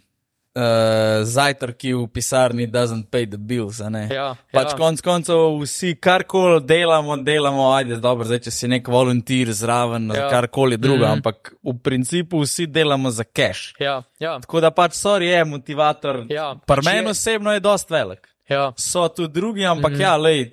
Če imam jaz vsak dan zjutraj zajtrk v pisarni, prvo kot prvo grem enkrat na 14 dni v pisarno, tako da mi v zajtrk nič ne pomeni. Mm. A ne, pa ja, pač it doesn't pay the bills. Tako Ja, da, ja. lej, cash, mislim, plača je, mora biti faktor in ja. Ja. tudi mogel bi biti, Pač sploh če ti workload raste, mm. A ne, Ja. pa da, Sej že sama inflacija, a ne pač workload je drug korak, prvi korak je sama Tako, inflacija. ja. a ne. Če, ti, če imaš ne 10-15% inflacijo, kot je zdaj, pa te plača ostane ista, pomeni, da ti plača padla. Ja. Ni pomeni, da, ne pomeni, da ti je ostala ista, ampak ti dejansko padla vrednost plače, ki si jo ti dobo na računa. Ne? Se pravi, ti dobiš manj, kot si dobil en let nazaj z isto plačo. Že to bi mogla biti prva stara inflacija, a ne? ampak tega se itak do zdaj noben ni vprašal, kaj je bila ne ena do dvoprocentna na leta. Ne? Drugo pa ja, vedno je težji workload, vedno več prometa. Ne? Mi smo imeli, ne vem, včasih ne stari sodelavci se pogovarjajo, da so imeli ne tisoč operacij na dan, pa je bilo to nekaj tako čist njim nepredstavljivo. Ne? Danes mi delamo od tork, sredo, ki ni prometna, ne? oddelamo po 1400-1450 operacij na dan, ne? vikendi so po 1500-1600 operacij na dan. Um, ne, pa vsak let bo več tega, ne, vsak mm -hmm. let je bolj kompleksen, uh, bolj kompleksen promet. ne. Tako da pač rabaš tudi določeno stimulacijo, ne valjda rabaš tudi določeno pač nagrado zaradi tega, ne. In pač to je, kot si še rekel. posebej glede na to, da vračate denar, ne. Ja, pač to, še pos- to mi najbolj neumen. ja, res je. Ne, pač, da ga- Mislim, klej pa je tudi umetnost, mislim, umetnost, koliko so ljudje, v, ki delajo pač v finančni službi oziroma te, ki računajo te predvidene stroškovne baze, pa to, a ne, koliko so uspešni, koliko so natančni pri računanju za, ne vem, dve leti vnaprej, ampak valjda je težko pač do evra natančen določati znesek, mm a ne, koliko boš rabo, kakšne boš imel um, pač zneske, kakšne boš imel stroške, karkoli, ne, ampak ja. Pač, če, je, če je tega preveč, ne, pač mora iti ta denar nazaj. Ja, non-profit je kar. Ja, kriza, mislim, kriza, lahko je full cool, lahko je pa mm. res strel v kolen. Vprašanje je, oziroma da, da, da se navežem na malo bolj tako še, da na vse sam strokovno. Uh, da mi povej, ker sem close call, ali pa to sploh lahko poveš, lahko discloseš, če se je tedaj zgodil, da sta bila dva aviona tako res, uh, ali pa da je prijem pristajal ja. z letov, pa da sta bila tako. Ja, jaz. Rekel, Jaz delam na Eri, se pravi, imam rating za Erijo, za te prelete, se pravi, delam od 8 km na vzgor, mhm. se pravi, spodnje delam tudi FIS, pač prvo sem se za FIS šolal, pa pa za Erijo. Tako da je vse, kar se dogaja, pač pri meni vsi close calli, pač so bili gora, ne na višinah. Um, na srečo imel sem en, en Mayday, sem imel, Mayday poznata, uh -huh. ne pač ta emergency pač, uh, poziv, ne v bistvu pilot začne trikrat Mayday, Mayday, Mayday. Ne. To sem imel, mislim, da sem imel dvakrat, sem imel medical pen pen, oziroma pen pen medical, se pravi. To je malo manj kot Mayday. Stopna, ja, ker Mayday v bistvu pomeni, da je z enim pot, medical pomeni, da je z enim potnikom neki narobe, mislim narobe problem je v potniku, ne v letalu. Ne? Mhm. Mayday pomeni, da je dejansko ogrožena varnost letala, mhm. pen pen medical je, oziroma pen pen. Čistko splošno pen-pen je pa, da ni tako ogrožena varnost letala in posebna kategorija pen-pena je pen-pen medical, ki pomeni, da, da je pač ogrožena varnost enega potnika, se pravi letalo kul, cool, ampak še vsem bi pač čim prej pristal, oziroma ti poj pilot pove. V glavu imaš razvid, te sem imel dvakrat, sem imel s potnikom, da ne vem, enkrat je niste vardesi, je nek pritisk v uču in ful narasto in je pač tako imela pač ful iz, izdolbe nuč, mislim, ne izdolbe, pač tako napišeš. Pa to ti oni povejo, mislim. Ja, Aha, a veš, okay. ker on v bistvu, jaz moram poj komunicirati z drugim enotam kontrole naprej, da se pokliče, se pravi, jaz poj povem stolpu, kjer bo pristal, ne. Okay. Stolp pove zdravniku, ki ga bo poj čakal zdravnika, ne takoj, ko pristane, bo pač zdravnik prišel na letalo in pač, a ne, da se ta v bistvu po telefončku se pač naprej ta informacija uh mhm. -huh. šir oziroma pač um, posreduje določenim pač službam enotam, ki to rabijo, je ta to zdravnika ali je to, ne vem, policija, če je kaj bolj tazga kriminalističnega, kar kola. Um, to sem imel enkrat, je ne vem. Uh, mislim, da je, enga, mislim, da je bil en deček, ne vem, koliko je bil star 10-12, ki je imel neke pač težave s srcem in so pač pristali v Zagrebu in po enem slišiš, da ne vem, da je pač ta deček umrl, ne vem, oh, kaj končaš izmeno ali pa tako, kot te pokliče vodja izmene, ne vem, nazaj iz Zagreba ali pa tako, ne. Ampak ja, v takih primerih, pač, ker so emergency, smo pač valjda trenirani, usposobljeni za to, ampak ja, to je en izmed najbolj stresnih pač delov naše službe, um, ki moraš pač dejansko zagotoviti pač res temu avionu vse, kar pač si on želi, kar si pilot mm -hmm. želi, tudi pilot pač, da kle največ od sebe, a ne, kle res probamo pač zagotoviti, da čim prej pristane oziroma, če noče pristati, da čim prej dobi to, kar želi. Mm -hmm. In kle pač daš vse od sebe in se pač valjda na koncu pač vprašaš, ne, bi lahko še več naredil, bi lahko na emu 45 sekund skrajšal čas pristanka, veš kar kola, ne, avion mora ne, iz 13 km prijeti dol do tal čim prej, tako da kle moš dejansko poj pač dati avionu čisto prioriteto. Um, se potruditi pač največ narediti, tako da kdaj zna biti tako malo nehvaležno je se poj vprašati, da bi lahko kaj več naredil, da bi mogoče ne vem, potnik ali preživel ali ne vem, bi prej karkoli šel, ali tudi s kakšnim letalom, če je kaj narobe, tako mehanično gledano, ne, bi lahko na boljši način um, spelal, kakšen ne vem, ukaz, kakšno pač ta clearance proceduro, karkoli, ne. Tako da vse ostalo, ne, to so v bistvu dogodki, na kere ti ne moreš vplivati, ne? kar pa ti lahko vplivaš, se pravi promet, ne pa vse na te podvisen. Če boš ti, ne vem, imaš nek konflikt, ne letali se približujeta in pač ti moraš nekaj narediti glede tega. Ne? In ti, ne vem, če se ti v kolu obrneš, pa zavzdihneš, bo sta sam bližje, ne, ne moreš dati na pauzo, ne moreš počakati, pa premisliti, kva bi, ne, ne moreš iti ne, vem, na WC ali pa na čip, pa reči, fakt, da zdaj pa pomisel, pa s tem problemom naredil, pač moš mm. narediti, ne. In če si ti v bistvu klepa to, kar mi je meni všeč, pač, da si sam zase odgovoren, in če ti prevedeš sam sebe do enega konflikta, si pa v bistvu, v bistvu sam zase tudi pač kriv oziroma pač odgovoren za ta konflikt, ne, ker si sam sebe do tega ne. Klej pa ful odvisen, ne pač, kot sem prej rekel, separacija je 5 mil pa 1000 fitov, mi valjda, da delaš na 5,0 mil je pač noben ne dela, ne, zaradi tega, ker lahko to pade na 4,9 vsak trenutek, ne ima veter en mu zapiha, bo 4,9 imaš takoj varnostno komisijo preiskovanje dogodka, ne vem kva vse, a ne pa bosta mhm. letali, pa spoh, mislim, bosta bliž šle, ampak pač na mest 5 mil bosta še 4,9, kaj še vsem kula, ne, ampak takoj ne vem, kakšen postopek se sproš. In kle se deja, ne vem, na 5,5 mil je 6 mil, kar kola, ne, tako da je res varno. Tudi višina, ne, ti imaš različne rejte, ne, ne, imaš tako en let, pa enega pod njemu in ta hoče gor na višino, na, viš, pač na višji level in ga, in ga pač uspenjaš. In pa ti mora valjda on obljubiti, da bo v določenem času prišel na ta level, ker če bo on pred časa plezal, bo približ tega prišel. Mhm in valjda mu daš nek, um, zakleneš ga na neko vertikalno hitrost, se pravi, da mora, naprimer, vem, tisoč fitov na minuto, mora hitro plezati, se pravi, če, gre, če sta to dva levela razlike, bo v dveh minutah splezal, ne? in pa ti lahko avion, ne vem, pleza, pleza, pleza, in on gotovi, da vem, pretežek, da bi vzdržal ta rejta, ne. Mhm. In pomoč ti, ajš, in ti se moraš vnaprej v bistvu pripraviti, koliko takih rizičnih, od, mislim, rizičnih, do kere mere boš rizično delal, do kere mere boš sprejemal take rizične odločitve.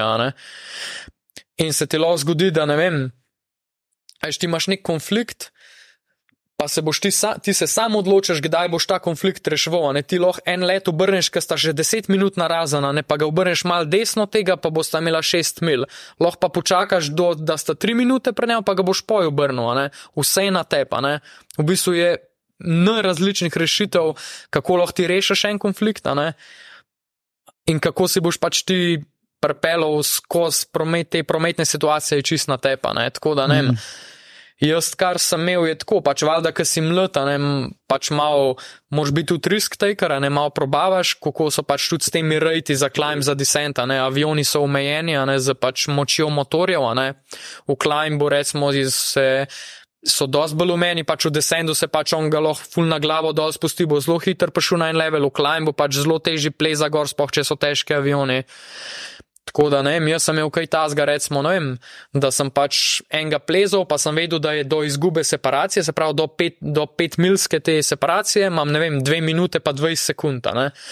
In sem mu rekel, pač splezi dva levela višji, tisoč fitov na minuto, se pravi, sem imel 20 sekund rezerve.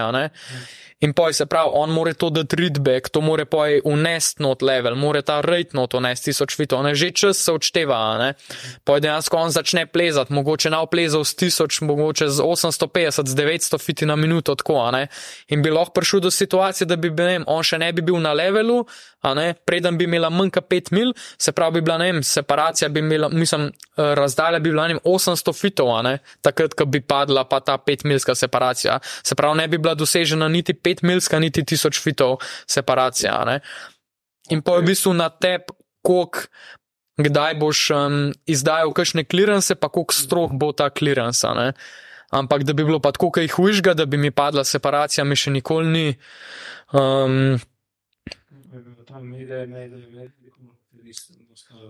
Um, je bil, Mayday je bil v bistvu nek uh, drugačni skrivnost, pač to niso take stvari, da bi se mogli skrivati. Pač v bistvu je, če je valjda v kakšnem procesu, še trenutno pač ne bi govoril, ampak ne vem, to je bilo en let nazaj že. Um, nek let, mislim, da nek turški um, prevoznik je v bistvu samo um, nek, v bistvu zgubuje um, normalen tlak v zračni kabini, ne, depressurization, se pravi, pa se je mogel začeti, se je v bistvu začel se spuščati naglo, ne, se pravi, brez da bi on dol vedeti kontrolorju, ne, se je začel spuščati, ker valjda, če ti pade tlak v kabini, oziroma če se ti pač začne dvigovati, mislim, pade tlak, ja, če se ti zgodi neka ne mlukna v šipi ali pa karkoli, boš ti valjda prvo rešil avion pa potnik ne. Ti ne boš, nimaš časa kontrolorju reči, da se boš začel spuščati, ker moš prvo rešiti avion pa potniki. In se v bistvu sam začel spuščati dol, pač tako z full visok moretom, full hiter se je začel spuščati dol. Um, in se je pa v bistvu, ki je videl, da ni um, ponavadi se spusti do 10.000 fitov, se pravi na 3 km približno, kjer je že tak tlak, da lahko normalen dihamo ljudje. Takrat se poju stav in šele takrat ti bo ponavadi ali pa čist pred tem ti bo javil, da on se je pa zdaj pa začel spuščati, ker se bo prvi maske ti upadle, prvi se je pač ukvarjal z avionom. Um, in v bistvu bo to, to je bil case, da se dejansko en začel iz, mislim, 370 levela, se pravi, to je 37 tisoč fitov, dve nički daš na konc zraven levelu, to je 13 km slabih, um, se je začel spuščati dol, ampak se je pa ustavil na levelu 300. Ampak pa je v bistvu ti kot. Se pravi, radarski kontrolor, ki delaš v, rad, v radar, ne, moš videti, da nek let se je začel spuščati ne, in moš vse promet, kaj pod njemu umikati. Ne. Se pravi, ostali normalen letijo, ne imajo čas tebe poslušati, zavijati, ne ga moš pa sam pustiti na mir, pa ostali, pač ostale avione pod njemu umikati da se pač valjda, da ne pride do izgube separacije. To je bil res moj idej. Koliko pa teh avionov ti naenkrat handlaš? Nekaj, kar se vse govori, ali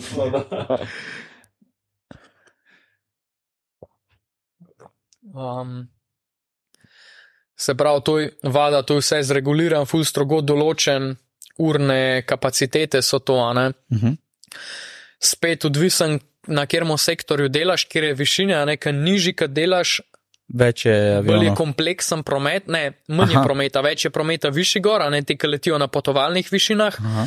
nižji dol je manj prometa, ampak so bolj kompleksni premiki, zaradi tega, ker so vertikalni premiki. Mhm. Ti imaš nek let, ne iz Londona v Dubaj. Pa bo letel na isti višini čez celo Slovenijo, v bistvu vse, kar boš, ga boš malo levo, desno obračal ali pa malo pospešil, malo um, pobrenzal recimo nek let, ki gre pristajati na Dunaj, ga moš pa ti spraviti iz 13 na ne, 10 km, skozi vse ta flow prometa. Ne. In v bistvu za te, ta full visoke sektorje, ki potem, recimo, če gledaš area sektor, ne, se potem še delijo sektori, se pravi, med različne area sektorje, ne, nada pročon gor, kaj do 8 km so area sektorje, ne, pa je pa odvisen od prometa, zdaj imamo ne 1500 prometa, ne, imamo ene par ur na dan tri sektorje erija odprte, drugač pa skozi dva erija sektorja oziroma dva do tri sektorje um, cel dan odprte, se pravi, so tako razdeljena Slovenija pač po višinah, tako kot ena torta, ki je pač tako te mhm. plasti torte. Um, in so v bistvu te ta najvišji sektori imajo neko kapaciteto tam 46-48 avionov na uro, maksimalno, ampak to je to je se pravi za celo uro, ne? se pravi, imaš ti promet pa itak niha, ne? tako da mhm. imaš ti dejansko lahko kakšne momente, ki imaš ne vem po 16-18 letal naenkrat na vezi v Sloveniji. Aha.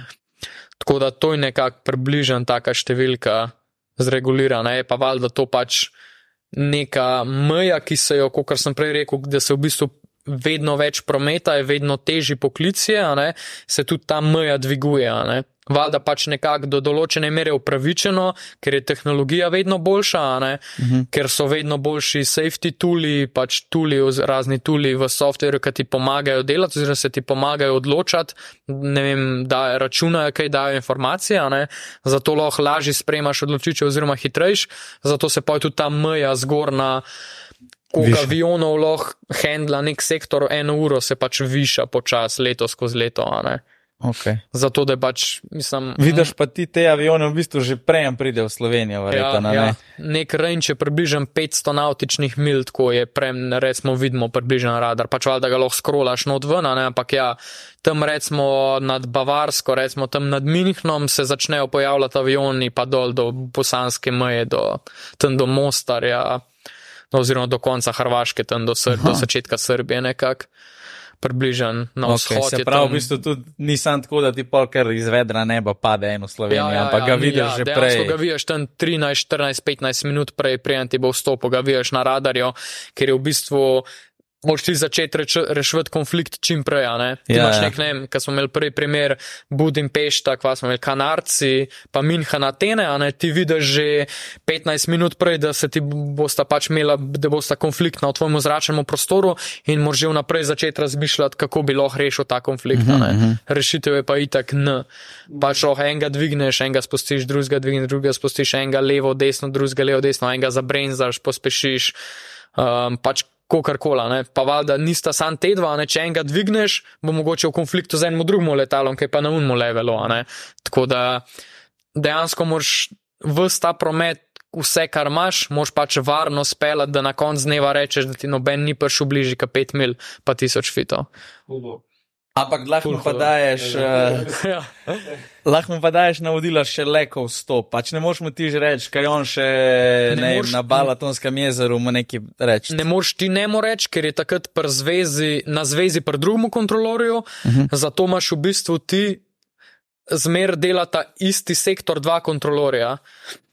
Se pravi, en volumen zračnega prostora, ne, delata dva kontrolorja, ta lev je executive controller, to je izvršen kontrolor, on se pogovarja po frekvenci ali pa po CPDLC-ju s piloti, Okej. ta desen je pa planning controller oziroma planer, on se pa po telefonu pogovarja z drugimi kontrolorji. Aha, Se pravi, s kontrolorji, okej. ki so okoli, ker ti, ti si nek volumen zračnega prostora in imaš nad sabo en volumen, pod sabo levo, desno, gor, a ne, ti mejiš na druge kontrole. In v bistvu vidiš nek let, ki je konflikten in boš klical kolega v Avstriji, prepel mi ta let na levelu 360, naprimer, a ne, ker bi bil takoj za mejo. Vem, ko, če, bi, če bi prišel ta let na 370, bi bil konflikten z enim avionom, ki bi prišel iz drugega dela Avstrije na 370. a ne, In rečeš, da mi prepel ta let na 360. a ne. A, Lahko rečeš, okej. da mi prepel ta let na headingu, ne vem, 160, a ne, ker drugač bi prišel na nekem drugem headingu, tako mu pa ti spremeniš heading. Lahko mu daš, a ne imaš v bistvu tri glavne parametre, a ne imaš. Um, Oziroma, pač glavna sta itak dva, višina pa smera. Ne? V višini so to te leveli, se pravi, imaš v fitih se govori, v, se dela vse v letalstvu in imaš, recimo, ne vem, naprimer 36 tisoč fitov je level 360 in level 370, kaj je 37 tisoč fitov, je od 360 oddaljen točen za 1000 fitov. Se pravi, ko imaš dva, enega na 360, enega na 370, veš, da bosta separirana, ne rabiš gledati nič drugega. Ne? Pomaš pa še smeri. Se pravi, ko sem rekel, da imaš, da kompanije oziroma pač airlinerji oddajo te načrte poleta, flight plani. Flight plani v bistvu bazirajo na točkah. Točke so pač čist neke zamišljene uh, točke po koordinatih, neke zamišljene koordinate, imajo pet črkovne, dva do pet črkovne oznake, ponad pet črkovne, ne vem, primeri so Nisva, Etida, Magam, Rolba, pač random pet črk skupaj na metanih, ki jih čim več, čim več ljudi na svetu lahko izgovori. Sprav, da ne pride en američan pa na oznov izgovoriti mm -hmm. Magam, a ne, da ne napišeš čmrl za točko, ne, ampak napišeš eno tako neko besedo, ki jo lahko izgovori, in oni letijo pač po tem flight planu od točke do točke. -huh. In let bo vedno letel po tej začrtani ruti, razen če ga ti ne boš drugam rerutiral. Se pravi, lahko ga pošleš na eno točko, ki je naslednja, ali pa čez tri ali pa štiri točke, lahko ga pa daš na nek heading. ne. To je pa poj ta lateralno, poj pa lahko še hitrost valjda določaš, ne se pravi, koliko hiter bo prišel do te točke, da ga zakleneš na določeno hitrost. Hitrost se pa izraža v, v tej pač oku- v tem okolju, ki jaz delam, v eri, se pravi nad 8 km v mah numberju. Mah number je pač razmerje med trenutno hitrostjo pa med hitrostjo zvoka v teh pogojih, se pravi, let, letala letijo tam med nič cela 75 do nič cela 85 zvočne hitrosti. a ne. In ti ga zakleneš na en, zdaj pa let nič cela 77 pač mahovega števila ali več, zato da veš, da bo vsaj to leto, da bo ne pred enim, ki pa, ki pa leti mal za nemo, a ne. Zato da veš, da ne bo zabrenzal ne v naslednjih ne vem, petih minutah. Pa da ne boš zgubil te razdalje, ki jo imaš med dvema letoma. A ne ta, ta dva v bistvu parametra ti spreminjaš, višino pa smer. In poj pač lahko delaš, kar hočeš. In to je v bistvu čar tega poklica, da ne boš imel nobenega šefa, nobenega za sabo, ki ti bo gledal, pa dihal za vrat, kako ti delaš, ampak delaš na svojo licenco, podoben kot en zdravnik, ki dela na svojo licenco in lahko delaš karkoli, dokler ti ne upadla separacija 5000 fitov, te vsi pustili na mir, lahko delaš kokarkoli, lahko se oblečen v kratke hlače, v sraj, v obleko, pač korkoli, sam da ti pač zagotoviš teh 5000 fitov, 24-7 in to je to. In pač noben ti ne bo težil, vsi te bo pustili na mir, dokler pač zagotoviš to separacijo, dokler oddelaš svoje, pa lahko je to kakršen koli način, lahko avione gor, dol, levo, desno, valjda te opoj piloti vprašali po zdravju, a ne, a znaš dobro delati, ampak če ti držiš 5 mil tisoč fitov, si pač naredil svoj job in to je to. Ej, še, še eno vprašanje imam, sorry.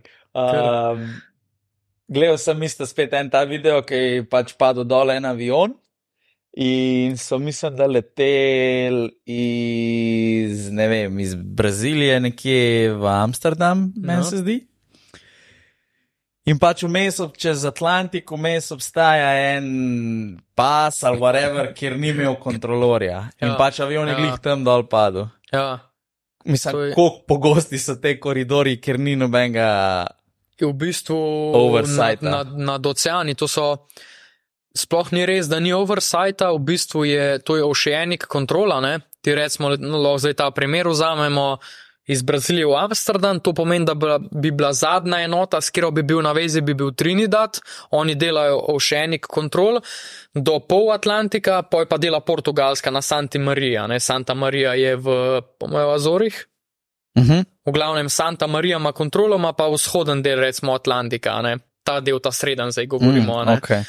In v bistvu ga ti imaš zelo jasne pač poti objavljene ne, nad Atlantikom, in boš ti nek let, ti imaš itak pač neko, kukr, da bi rekel, ne vem, k račke grejo te letje, ne en za drugmu na določenih višinah.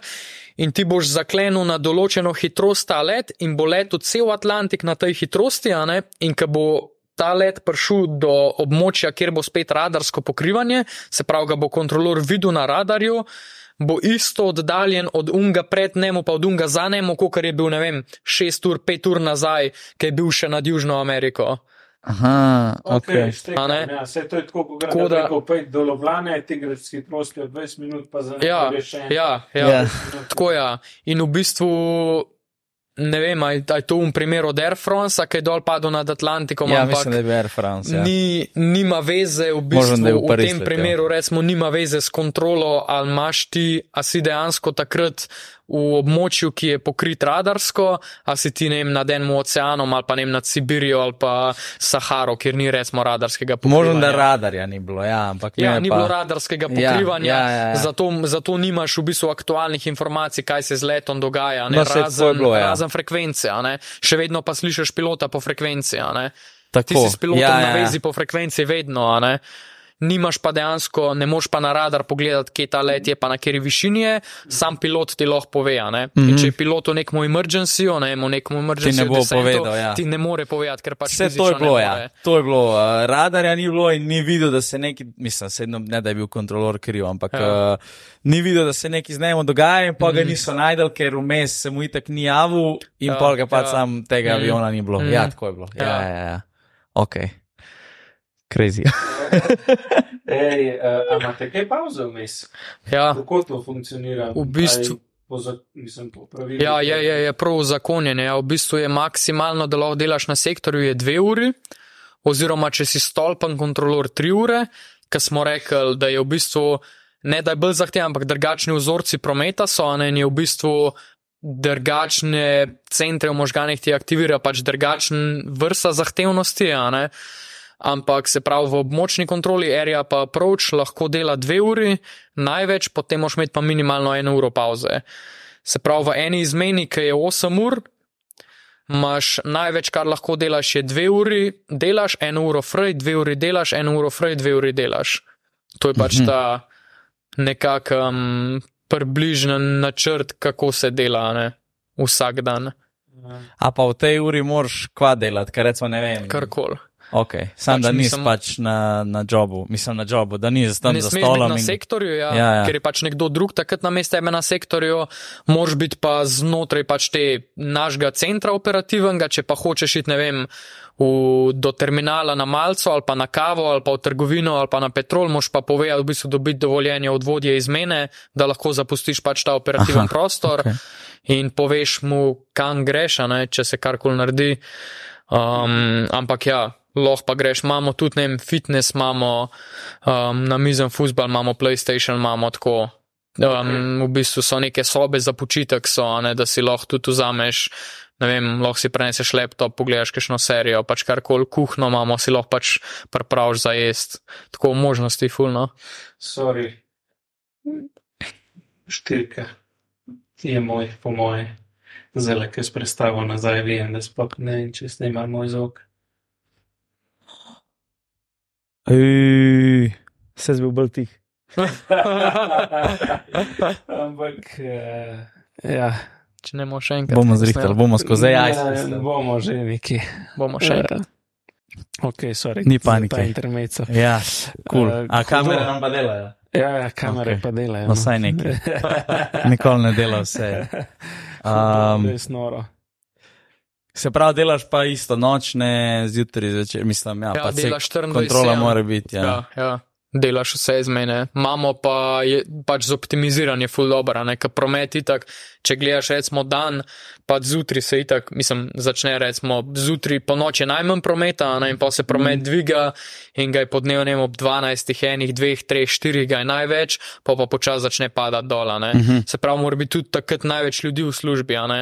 Se pravi, okay. Ni tako, kot ne vem, v kakšnih teh tovarnah ali pa kje, kaj pač isto število ljudi v dopoldanski, pa isto število ljudi v popoldanski mm. izmenja, ne? ampak je dejansko s prometom, ne, ko promet raste, tudi več ljudi izmenja. Ne? Se pravi, imaš izmene, ki se začnejo vsako uro ob 7, 8, 9, 10, 11, 12, 13 pač in tako naprej.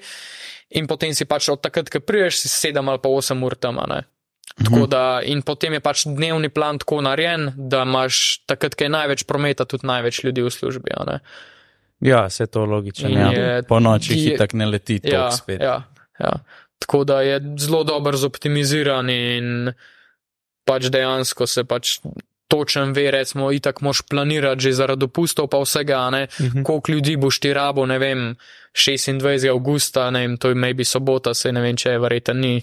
Ja. Um, ampak ja, koliko boš ti ravno 26. augusta 2023, koliko ljudi v izmenja, ne, glede na približen promet, ki ti ga napovejo, ne, kad dobiš neke predikte od prevoznikov, od tega eurokontrola, te organizacije, ne, koliko bo približen promet, ne, da bomo, ne, mogoče bomo imeli mi zdaj predikte za letos 1700 operacij na dan, kar je pač nenormalno, ker pač še nikoli ni bilo niti blizu Mhm. tega, a ne, tako da im pač in pol more pač v bistvu planska služba, šefi določenih enot morajo planirati zadostno število ljudi za tisti dan, da se bo pač vse trafik lahko podelal. ne. Se pravi, da, boš, da boš imel lahko odprt zadostno število sektorjev, a ne to bo štiri sektori skoraj cel dan, da boš pač podelal vse trafik znotraj teh objavljenih kapacitet, teh ne vem, 46-48 avionov na uro, ki jih lahko pač oddelaš. Ok. Uh, sorry, uh, sam neki, a moraš ti ob 8 biti v Ljubljani? Ne, pol Ne. devetih. Ok. Tako da lahko Eh. štartam ene 10, 15, 6, kot če Ok. štartam. A greš delati? Ne, ali na odbojko grem. ok. Mislim, da te čaka zdaj še. Ja, ne. Um, Če sem na vikendu zdaj. a ja, valjda. Ja. Ej, ampak izven delovnega časa pa nimaš nobenih uh, pogojev, kvalov, pa kva nekaj. Recimo, ne vem, piloti pa, truck driveri pa to vem, da morajo počivati, kao, počivati takrat, ker niso on the job. To misliš zdaj znotraj teh pauz, ki si Ne, v službi? se ne, pravi, med preden greš na job. dnevi? Mislim, a greš ti teoretično zdaj lahko za celo noč žurat, pa se ga napiješ, ampak greš zjutraj pa čez mer delati. Ja, pač 0-0 moram biti. Ok, to je, ampak To to ja. ne, ne rabaš imeti pa ne vem, nujen moraš 8 ur spati, preden Ne, greš se to, delati. pr, to tudi pri pilotih ne. Ker Aha, ne. ne more tega Ja, ja. preveriti, a veš. Ok, to je res. To Ja. je fore, a veš. Tudi, mislim, fore, da če bi jaz celo noč žural pa šel delati, ne, pač niti malo ne bi mogel tako kvaliteten pa tako dober delati, kot bi drugače. Ja, ne. ja. Zato pa si sam seb tega ne bi naredil, ne? ker če bi jaz naredil en fuck up, ne in bi v najslabšem primeru lahko pristal v zaporu. Ja, ja. In, ve, in bi vedel, da bi bil jaz kriv. Kot sem prej rekel, zmer delaš na svojo odgovornost, na svojo licenco, zato imaš tudi svojo licenco, ne podpisano, poštempljano. In če jaz zajebem, pač ne bo noben od mojih šefov, pa noben od mojih inštruktorjev vodil usposabljan kriv, ampak sam jaz, ne. Mhm, mhm. Noben drug na kriv. In zato je tudi full dober, a ne pač delaš. To, kar ti delaš, noben ga nimaš za sabo, da bi te čekiral, da bi te gledal, kako delaš. ne. Tako da, ja, kdaj so pač tudi, ne vem, se nisem žuren, lahko tudi ne veš, imaš družino, otroci in slabo spiš, Ja, ja, spiš vse, ure, a itak, veš vse. ja. In pač greš na šiht in moraš oddelati. ne. In zato klepa poj pride ta človeški faktor upoštev, da ne prideš do vodje izmene, rečeš, je ful sem slabo danes spal, a me lahko planiraš, ne vem, mogoče čim manj. Kar se da, ali pa na kakšen manj prometen sektor, na ne tako kompleksen sektor, mm -hmm. ne mogoče na najvišji sektor, ker ni toliko teh vertikalnih manevrov, um, take stvari. Lahko tudi pač valjda, tudi lahko javš bolniško, ne, če se slabo počutiš, to je tako silo, ni, to ni specifično za naš poklic, ne za kjerkoli mm -hmm. poklic. Ampak ja, pač moraš biti v bistvu toliko samokritičen do sam sebe, da veš, da si dosti confident, dosti sposoben oddelati pač nek trafik. Ne. Ja, ker pri meni nimam nobene odgovornosti, če nekaj narobe zdizajniram, a ne, pri tebi so pa dejansko human lives at stake, tako da. Ja. Ja. Zato sem vprašal, če imate kakšne posebne direktive glede Mislim, je počitka. ful pa priporočil, pač to sem zdaj tako dosti radikalno odgovoril, pač ful je priporočil, ful je pač, ampak nič pa ni v zakonjen, kaj ti mm. -hmm. noben ne more, pač nula, nula, se pravi, da strezen to je, ne, pa brez kakršnih koli drog itak. Um, to je pa to. A imate kakšne check-upe? Ja, imamo čeke, ja, ja, imamo ne napovedane. Aha. Pride pač inšpekcija, pa pokler reče, ne, in ti pa ti pa ti pa idete z mano, pa pihaš, oziroma dobiš te v liziko, pač test na droge, karkoli. Um, Vse to je prav. Ja, Mislim, je tle je prav, res valjda, ja. full at stake, ja, tako da. pač in za pilote je tako, in pač za nas mora biti tako, tako da se strinjam. Mislim pač. Idak si, ne vem, če hočeš iti žurat, greš pač med unimi dnevi, ki si frej žurat, ali si lahko, ne vem, sodelovcem zamenjaš izmeno, da se jim naslednji dan popoldanska ali pa ob štirih, petih popovdne začneš, pa reš lahko prejšnji dan žurat, pa do štirih že čisto nov. Tako da, a ne.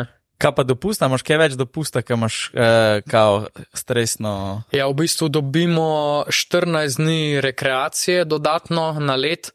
Okay. Se pravi, ta rekreacija, to je pač rekreacijski dopust, ne pol te rekreacije je programirane. To pomeni, da gremo za en teden v nek, ne vem, zdravilišče.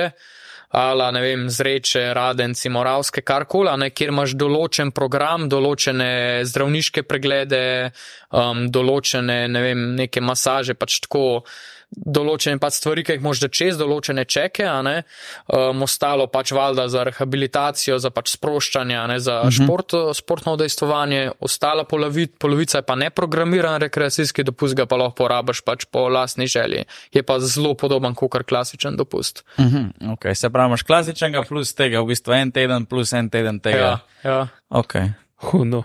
Da, uh, kva sem hotel, fakt ušlo mi je v sekundi.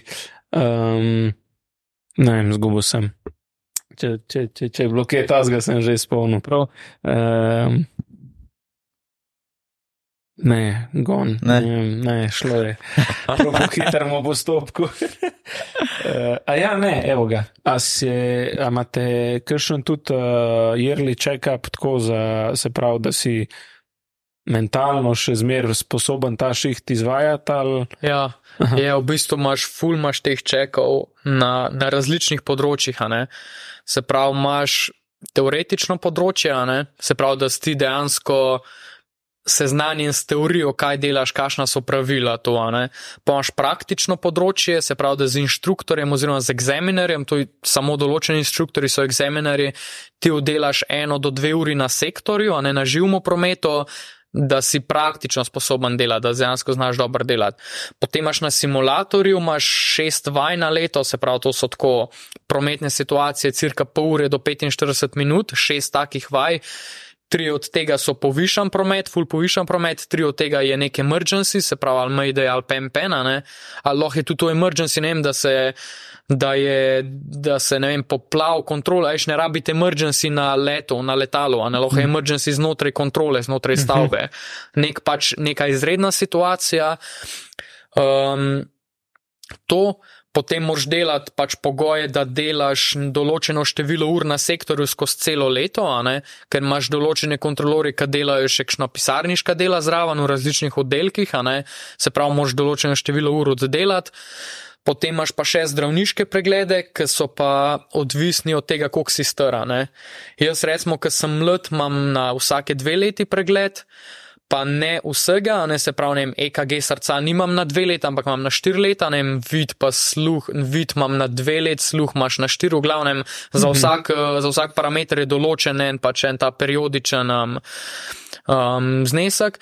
Um, tisti, ki so pa starejši, ne vem, zdaj kakšna je starostna meja, imajo pa vsak, vsako letne te preglede. In znotraj pač valjda teh fizičnih čekov je tudi pač psihološki, um, psiholog oziroma psihološki testi, tako da ja, je točen pač v zakonodajni oziroma točen predpisan, kdaj pa kje pa kdo upravlja te preglede, pa kdaj more to biti. Tako da je vnaprej določen, jaz točen vedo, kdaj mi velja zdravniški, imam, imaš zdravniško licenco, imaš licenco pač za kontrolorja, pa imaš licenco za, mislim, ne vem, če bi temu rekel licenco, v bistvu. Certifikat zdravniški, certifikat za angliški jezik, pa poj dejansko licenco kontrolorja zračnega mhm. -huh. prometa, ki jo imaš lahko, če imaš vse te, te dva certifikata, pa vse ostalo, pač kar sem prej naštel. Tako da se mi zdi, da je zelo dober poskrbljen za pač varnost vseh potnikov, kar valjda more biti. Um, da smo vsi, ki delajo, pač jaz pa moji sodelavci dejansko usposobljeni, da pač to, kar delamo, dobro delamo. Zato, da pač potniki se lahko v miru uležejo na stol in spijo, vinček zaspijo na avionu, pač pa vejo, da jo varno prišli do cilja. Kar je kul, cool, ja. kar smo prej govorili od profit pa non-profit, da bo vedno pri nas number one cilj safety, ne, nikoli ne bo denar. In to se tudi mm. vidi v naši mentaliteti.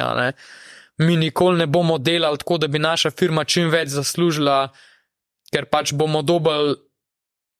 Plače take, ki so, a ne fiksne plače, bomo dobili, vemo, da bomo dobili plačo na konc meseca, ampak bomo prvi poskrbeli za to, da bo avioni safe, bomo pa poskrbeli za to, da bo pač efficient in vse ostalo. In mi se res, kontrolori, se obadamo samo s tem, da smo pač strokovno top na top nivoju in da bo pač promet to, kar delamo, da bomo safe oddelali in vse ostalo pa pač se prepusti ostalim podpornim službam, administrativnim službam, nekaj pač delajo vse ostale stvari, mi moramo pač res oddelati, tako da je pač mhm. v bistvu dejansko indijent, da je čim manj smrtnih žrtev pač v aviaciji vsak leta. Ne? Pač to je naš največji cilj. Mhm. Kako je pa za tebe to tako stresno? Ali sploh ni, ali je to, da imaš eno igrico, ima matematike, pa to gre čez? Pač stresno je, itak da je. Za mene pač zem tako odgovoril, ne. Mi iščemo, ne, to smo se pogledali od selekcijskega posla, mi iščemo ljudi, ki bi jim bilo to čim manj stresno, ne. Mm. In pač valjda meni je to top delati, jaz najbolj uživam, meni zjutraj budilka zvoni, ne vem, pa nisem jutranji človek, pa mi ob sedmih budilka zvoni, pa ob šestih, a ne, pa sem jaz ko, ko mi čakam, da grem na šiht, pač najbolj, a ne, mm. ko mi čakam, da delal. Pridejo pa situacije, ne, lahko se ti prepeleš do take situacije, lahko, ne vem, cel spektr, pač cel sosledje eventov, lahko pač neke emergency karkoli, ne ki pa valjda pač ti je težko, ti je stresno, čutiš, a ne v bistvu čutiš um, utrip srčen, ker se ti poviša, čut, uh, slišiš, ker se ti glas začne trest, čutiš, ker se začneš potiti v roke, a veš, mm -hmm. sam, pr, sa, sam pa sebi vidiš. Da, začne, da si začel doživljati nek stres. Ne? In v bistvu v takih situacijah smo pač bili za to zbrani, pa za to usposobljeni, pa za to vsak let damo tok čekov čez da nas ne izda naš lasten telo, pa naš um, ampak da lahko izpeljemo situacijo do konca, tako da bo se pač išlo, da noben ne bo, da ne bo niti materialne, niti človeške škode. Tako da definitivno se dogaja to, kdaj se zgodi večkrat na dan, kdaj kašen dan čist miren, pa ni takih posebnih, a ne. Uh, dogodkov, ampak so pač dnevi, ki priješ domov, pa imaš full energije, greš lahko, ne vem, bi lahko na tri glav šel še tisti dan, kdaj pa prije dan, pač, ki greš, ki priješ domov, pa se samo ležeš, pa zaspiš v minuti, ki si pač tako zmatran. Tako da Okay. Malo si mi že odgovoril, ampak mi pa navad pol vprašava, če se viješ to delati cel life ali. Uh, Ja, ja, ja. upam, da delal to cel life, ne? ker je tako zanimiva industrija, tako je široka, ne? ker ni sam delo na sektorju, ne? ampak je dejansko v bistvu mi sami sebi kreiramo to, kaj delamo. Mm. Ker v bistvu sam mi smo pač strokovnjaki na tem področju in noben drug v bistvu ne pozna tega področja tako dobro, da bi nam. Določal, ne, ja, ali pa nam določal neka pravila ali pa karkoli, zaradi tega so v bistvu zmer kontrolori upleteni v različne delovne skupine, vse, kar se odloča glede regulacije, ne pravil zračnih procedur, pravil letenja, ne kako, se, kako je najboljš za industrijo, za pač postopke zračne kontrole, pač kako je najboljš delati. In v bistvu je tok širok spektr, tok različnih znanj lahko uporabiš, lahko si čist tehničen tip, pa pomagaš pri njem izdelavi softvera, kakšnih safety toolov, lahko si čist pedagoški tip, pa pomagaš pri izobraževanju novih kontrolorjev, lahko si bolj leadership tip, pa pomagaš pri vodenju kakšnih oddelkov. ne. V bistvu zelo navežem na to, kar smo začeli, ne, v bistvu, ker nekako folk po naključju najde to kariero, ta poklic, se ti šolaš za kontrolorja, rataš top kontrolor, pač full hood kontrolora, ne, in poj v bistvu vse hobije, vse želje, vse znanja, skilce, ki jih imaš, prvlečeš na dan in znotraj te industrije narediš še nekaj, še par korakov naprej, še kakšen razvoj, še kakšno hudo idejo preneseš, še nekaj novega se spomneš, ne. In dobro, ker smo si toliko različni, imamo mi od pravnikov do ne matematikov, anglistov, ne vem, folk, folk, ki ga zanima in vrtnarjenje, rožice, karkoli, ne, da bo vsak neki svojega, eno svoj znanje in svoj pogled doprinesel to, ne. In bo na koncu pač v bistvu cela ta celota, cel pač industrija, cel naš biznis, profession, a ne pač naprej se premikal ne, z različnimi idejami, z različnimi pogledi, tako da pač se ful veselim svoje kariere za vnaprej, pač ful bi pripomogel pač na različnih področjih, tako da mi je top. Jaz mislim, da je bil to le en izjemen zaključek. Ja, res. Tako da, kul. Cool. Jaz sploh ne vem več, kva še vprašati. Mislim, jaz tako- bi lahko še pet milijonov stvari vprašal. tako da- Ja, to- Tako to, vse, kogar sem rekel za pilote, a ne mislim, prnes je isto, to tok knjig, tok enih skriptov delaš, a ne samo teh treh, štirih mesecih osnovnega izobraževanja in poj se šele začne ta dejanski učenje. Jaz Še zdaj ne vem. V, vem, v soboto, ko bom vem, delal na sektorju, bom še zdaj maybe doživel eno situacijo, ki je nikoli prej si sploh nisem zamislil, da bi jo lahko doživel, nikoli noben od sodelavcev še ni slišal za kaj podobnega. ne. Zmer se lahko novega zgodi, zmer je tako fulenih stvari, a ne res je široka industrija, tako da Okay. fulje stvari Top. za Da debatirati. zaključimo tole debato za danes. Uh, kje pa, oziroma uh, verjeten, če so bili 2022 nova selekcija, ja. Ja. se pravi, naslednja je. Naslednja bo dobra novica, naslednja bo čez deset dni, se odpre razpis. Aha, ok. Evo ti direkt. Direkt v Um, nedeljo gre ven, tako da tri dni imajo, da se prijavijo na razpis. Ne, dejansko čez deset dni mislim, da ne vem, a 21, 22 cirka bo šel razpis ven, zaradi tega, ker Slovenija ne se je 91 osamosvojila, tako da je naša starostna struktura kontrolorjev v bistvu velik. Te, ki so začeli delati takrat po osamosvojitvi, teh se jih bo zdaj veliko začelo upokojevati počasa, počasa, ne. In te moramo zdaj v bistvu mi nadomestiti. ne.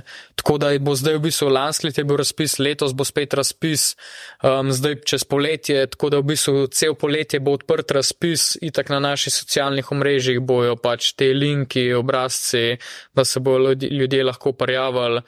Tako da A imaš, a imaš kakšen nasvet za te, ki bi se me bi radi prijavili? Pač vem, da Ja, je itak vse full odvisen, ampak če bi tako jim lahko dal nasvet, je tole, da Imam. pesaš in to. No. imam prvi na svet je prijav se, to je prvi na svet. Okay. ker folka je strah, veš, folk pomisel, "U, to je odgovoren, to je resen poklic, to je stresen, bla bla bla, ne, pač se je vse to res, ampak ti ne boš vedel, a si dober, preden greš na ta testiranja, ne. Prijav se, nared prvi korak, pa se prijav, pa sploh sprobaj, pa pojdi na ta testiranja, pa boš pa videl isto puncam, recimo, ne. Punce ful mislijo, to je ful bolj za fante, to je ful bolj tehničen poklic. Ne, jaz sem imel inštruktorca, moja inštruktorca je po moje ena izmed najboljših kontrolork pri nas v Sloveniji, ne.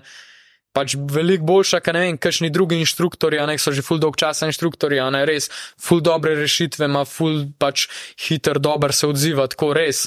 Um, in je res, v bistvu, to je prvi na svet, pač prjav se, me jajca, nared ta korak, pač da se dejansko prjavš. Drug na svet je pa poj, da preden bojo ta testiranja, se res vzemimo par dni zase, da si res spočit, res generiran, dober jej, uh, vzem si par nočivno spanja, da boš res fit, da boš res naspan prišel na ta testiranja, ker ta testiranja so, kot sem rekel, mi v bistvu testirajo tebe kot človeka, kakršnega si, ne moreš se nič naučiti. Kogarkoli poznaš, ti ne bom mogel nič povedati, kaj bo v testih, kaj boš pisal. Uh, jaz ti lahko za vsako nalogo točen povem, ampak pač, če ti nisi primeren, zato boš slabo pisal. Mm. Tako da najbolj pomembno je, da se naspiš, da prideš z počitke, da prideš zbran, skoncentriran, da prideš neobremenjen. Ti moš priti z mentaliteto, jaz grem na neka testiranja, ki bojo povedala, a sem jaz primeren za kontrolorja.